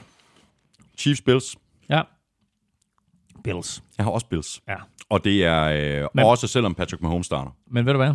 Nej. Det var jo også præcis det scenarie, vi var ude i, ja. da vi lavede vores øh, sådan forudsigelse af slutspillet. Det var, at vi fik en Super Bowl imellem Packers og Bills. Præcis, og jeg holder fast, og også fordi jeg jo er en believer. Believer, og må jeg i øvrigt lige have lov til der og rose. Det gælder nok ikke så meget de danske Bills-fans, øh, selvom der måske endda er nogen, der, der også har, har været gavmilde. Men det, man i, øh, i, i Buffalo-land kender som Bills-fans, de går under øh, navnet Bills Mafia. Og da Lamar Jackson, han udgår af den her kamp med en hjernerystelse, der iværksætter Bills Mafia en indsamling til Lamar Jacksons øh, yndlingsvelgørenhedsprojekt. Øh, øh. Jeg kan ikke lige huske, hvad det er, men det er over 300.000 dollars, der er samlet ind nu. Bills Mafia er en fantastisk fanbase. Ja, det er en af de, en af de fedeste fanbaser overhovedet i NFL. Jeg har været i Buffalo tre gange og se fodbold. Jeg kan ikke huske, om jeg har fortalt den her historie før. Men første gang jeg er deroppe, der kommer jeg gående ned igennem parkeringspladsen. Det er Vikings mod Bills selvfølgelig. Jeg kommer gående ned igennem, Viking, eller ned igennem parkeringspladsen med sådan en Vikings trøje på, og øh, så er der en eller anden, øh, så er der en eller anden øh, Bills fan, ikke, du ved, og man, når man har set fodbold i Danmark, ved, så tænker man, fuck, nu skal jeg have tæsk, ikke, du ved, han råber, hey, Vikings fan, hey, et eller andet, du ved, jeg, du ved, jeg tænker, fuck, jeg skal bare væk herfra, så råber han, hey, come over, get a beer, Ja. Ikke? Og så over, så står jeg der og drikker øl med et par, par Bills Mafia-fans inden, uh, inden kampen. Ikke? Super, super fed oplevelse. Tak for det, Elming. En uh, sand fornøjelse, som altid. Det var, prøv at høre, det var, en, det var en, en, en weekend, der måske sådan rent spillemæssigt ikke helt levede op til, til det hype, der var omkring den. Men vi får til gengæld to mega fede øh, AFC-NFC-finaler nu her, og så krydser vi fingre for, at Patrick Mahomes han bliver klar. Præcis. Og hvis du også synes, at det har været en øh, fornøjelse at lytte med, jamen så skulle du tage og prikke alle dine venner på skulderen og sige til dem, at vi er her, og at det aldrig er for sent at blive hugt på amerikansk fodbold. Du kan også stikke os en anmeldelse om nogle stjerner et af de steder, det er muligt, for eksempel i iTunes. Og sidst men ikke mindst, så kan du være med til at holde hånden under os øh, ved at øh, støtte os med et valgfrit beløb på tier.dk. Du kan også trykke på øh, linket øverst på nflshowet.dk. Det ligger lige ved siden af linket til shoppen, som du også finder på nflshowet.dk nfldk-shop. og som sagt er der nu også NFL-showet Krus. Tak fordi du lyttede med, og øh, tak til vores gode venner og faste samarbejdspartnere fra Tafel og vores nye venner fra Charbroil og BookBeat. Støt dem, de støtter os. Følg Elming på Twitter på snablag NFLming. Mig kan du følge på snablag Thomas Kvartrup, og så kan du følge showet på både Twitter og Facebook. Der kan du øh, række ud efter os, kommentere, stille spørgsmål, og det kan du også på mail nflshowet.dk. Det var alt for i dag. Vi høres ved i næste uge. NFL-showet er produceret af Kvartrup Media, der også producerer Born Unplugged, Danmarks suverænt største podcast om dansk politik, som jeg laver sammen med politisk kommentator Lars Trier Mogensen. Vi er tilbage i dine ører på fredag. Elming og drengene på Villeuropa er oppe på den store klinge igen med masser af cykling, og så er Elming og jeg tilbage med meget mere om verdens fedeste sport i næste uge. Ha' det godt så længe. Hot odds.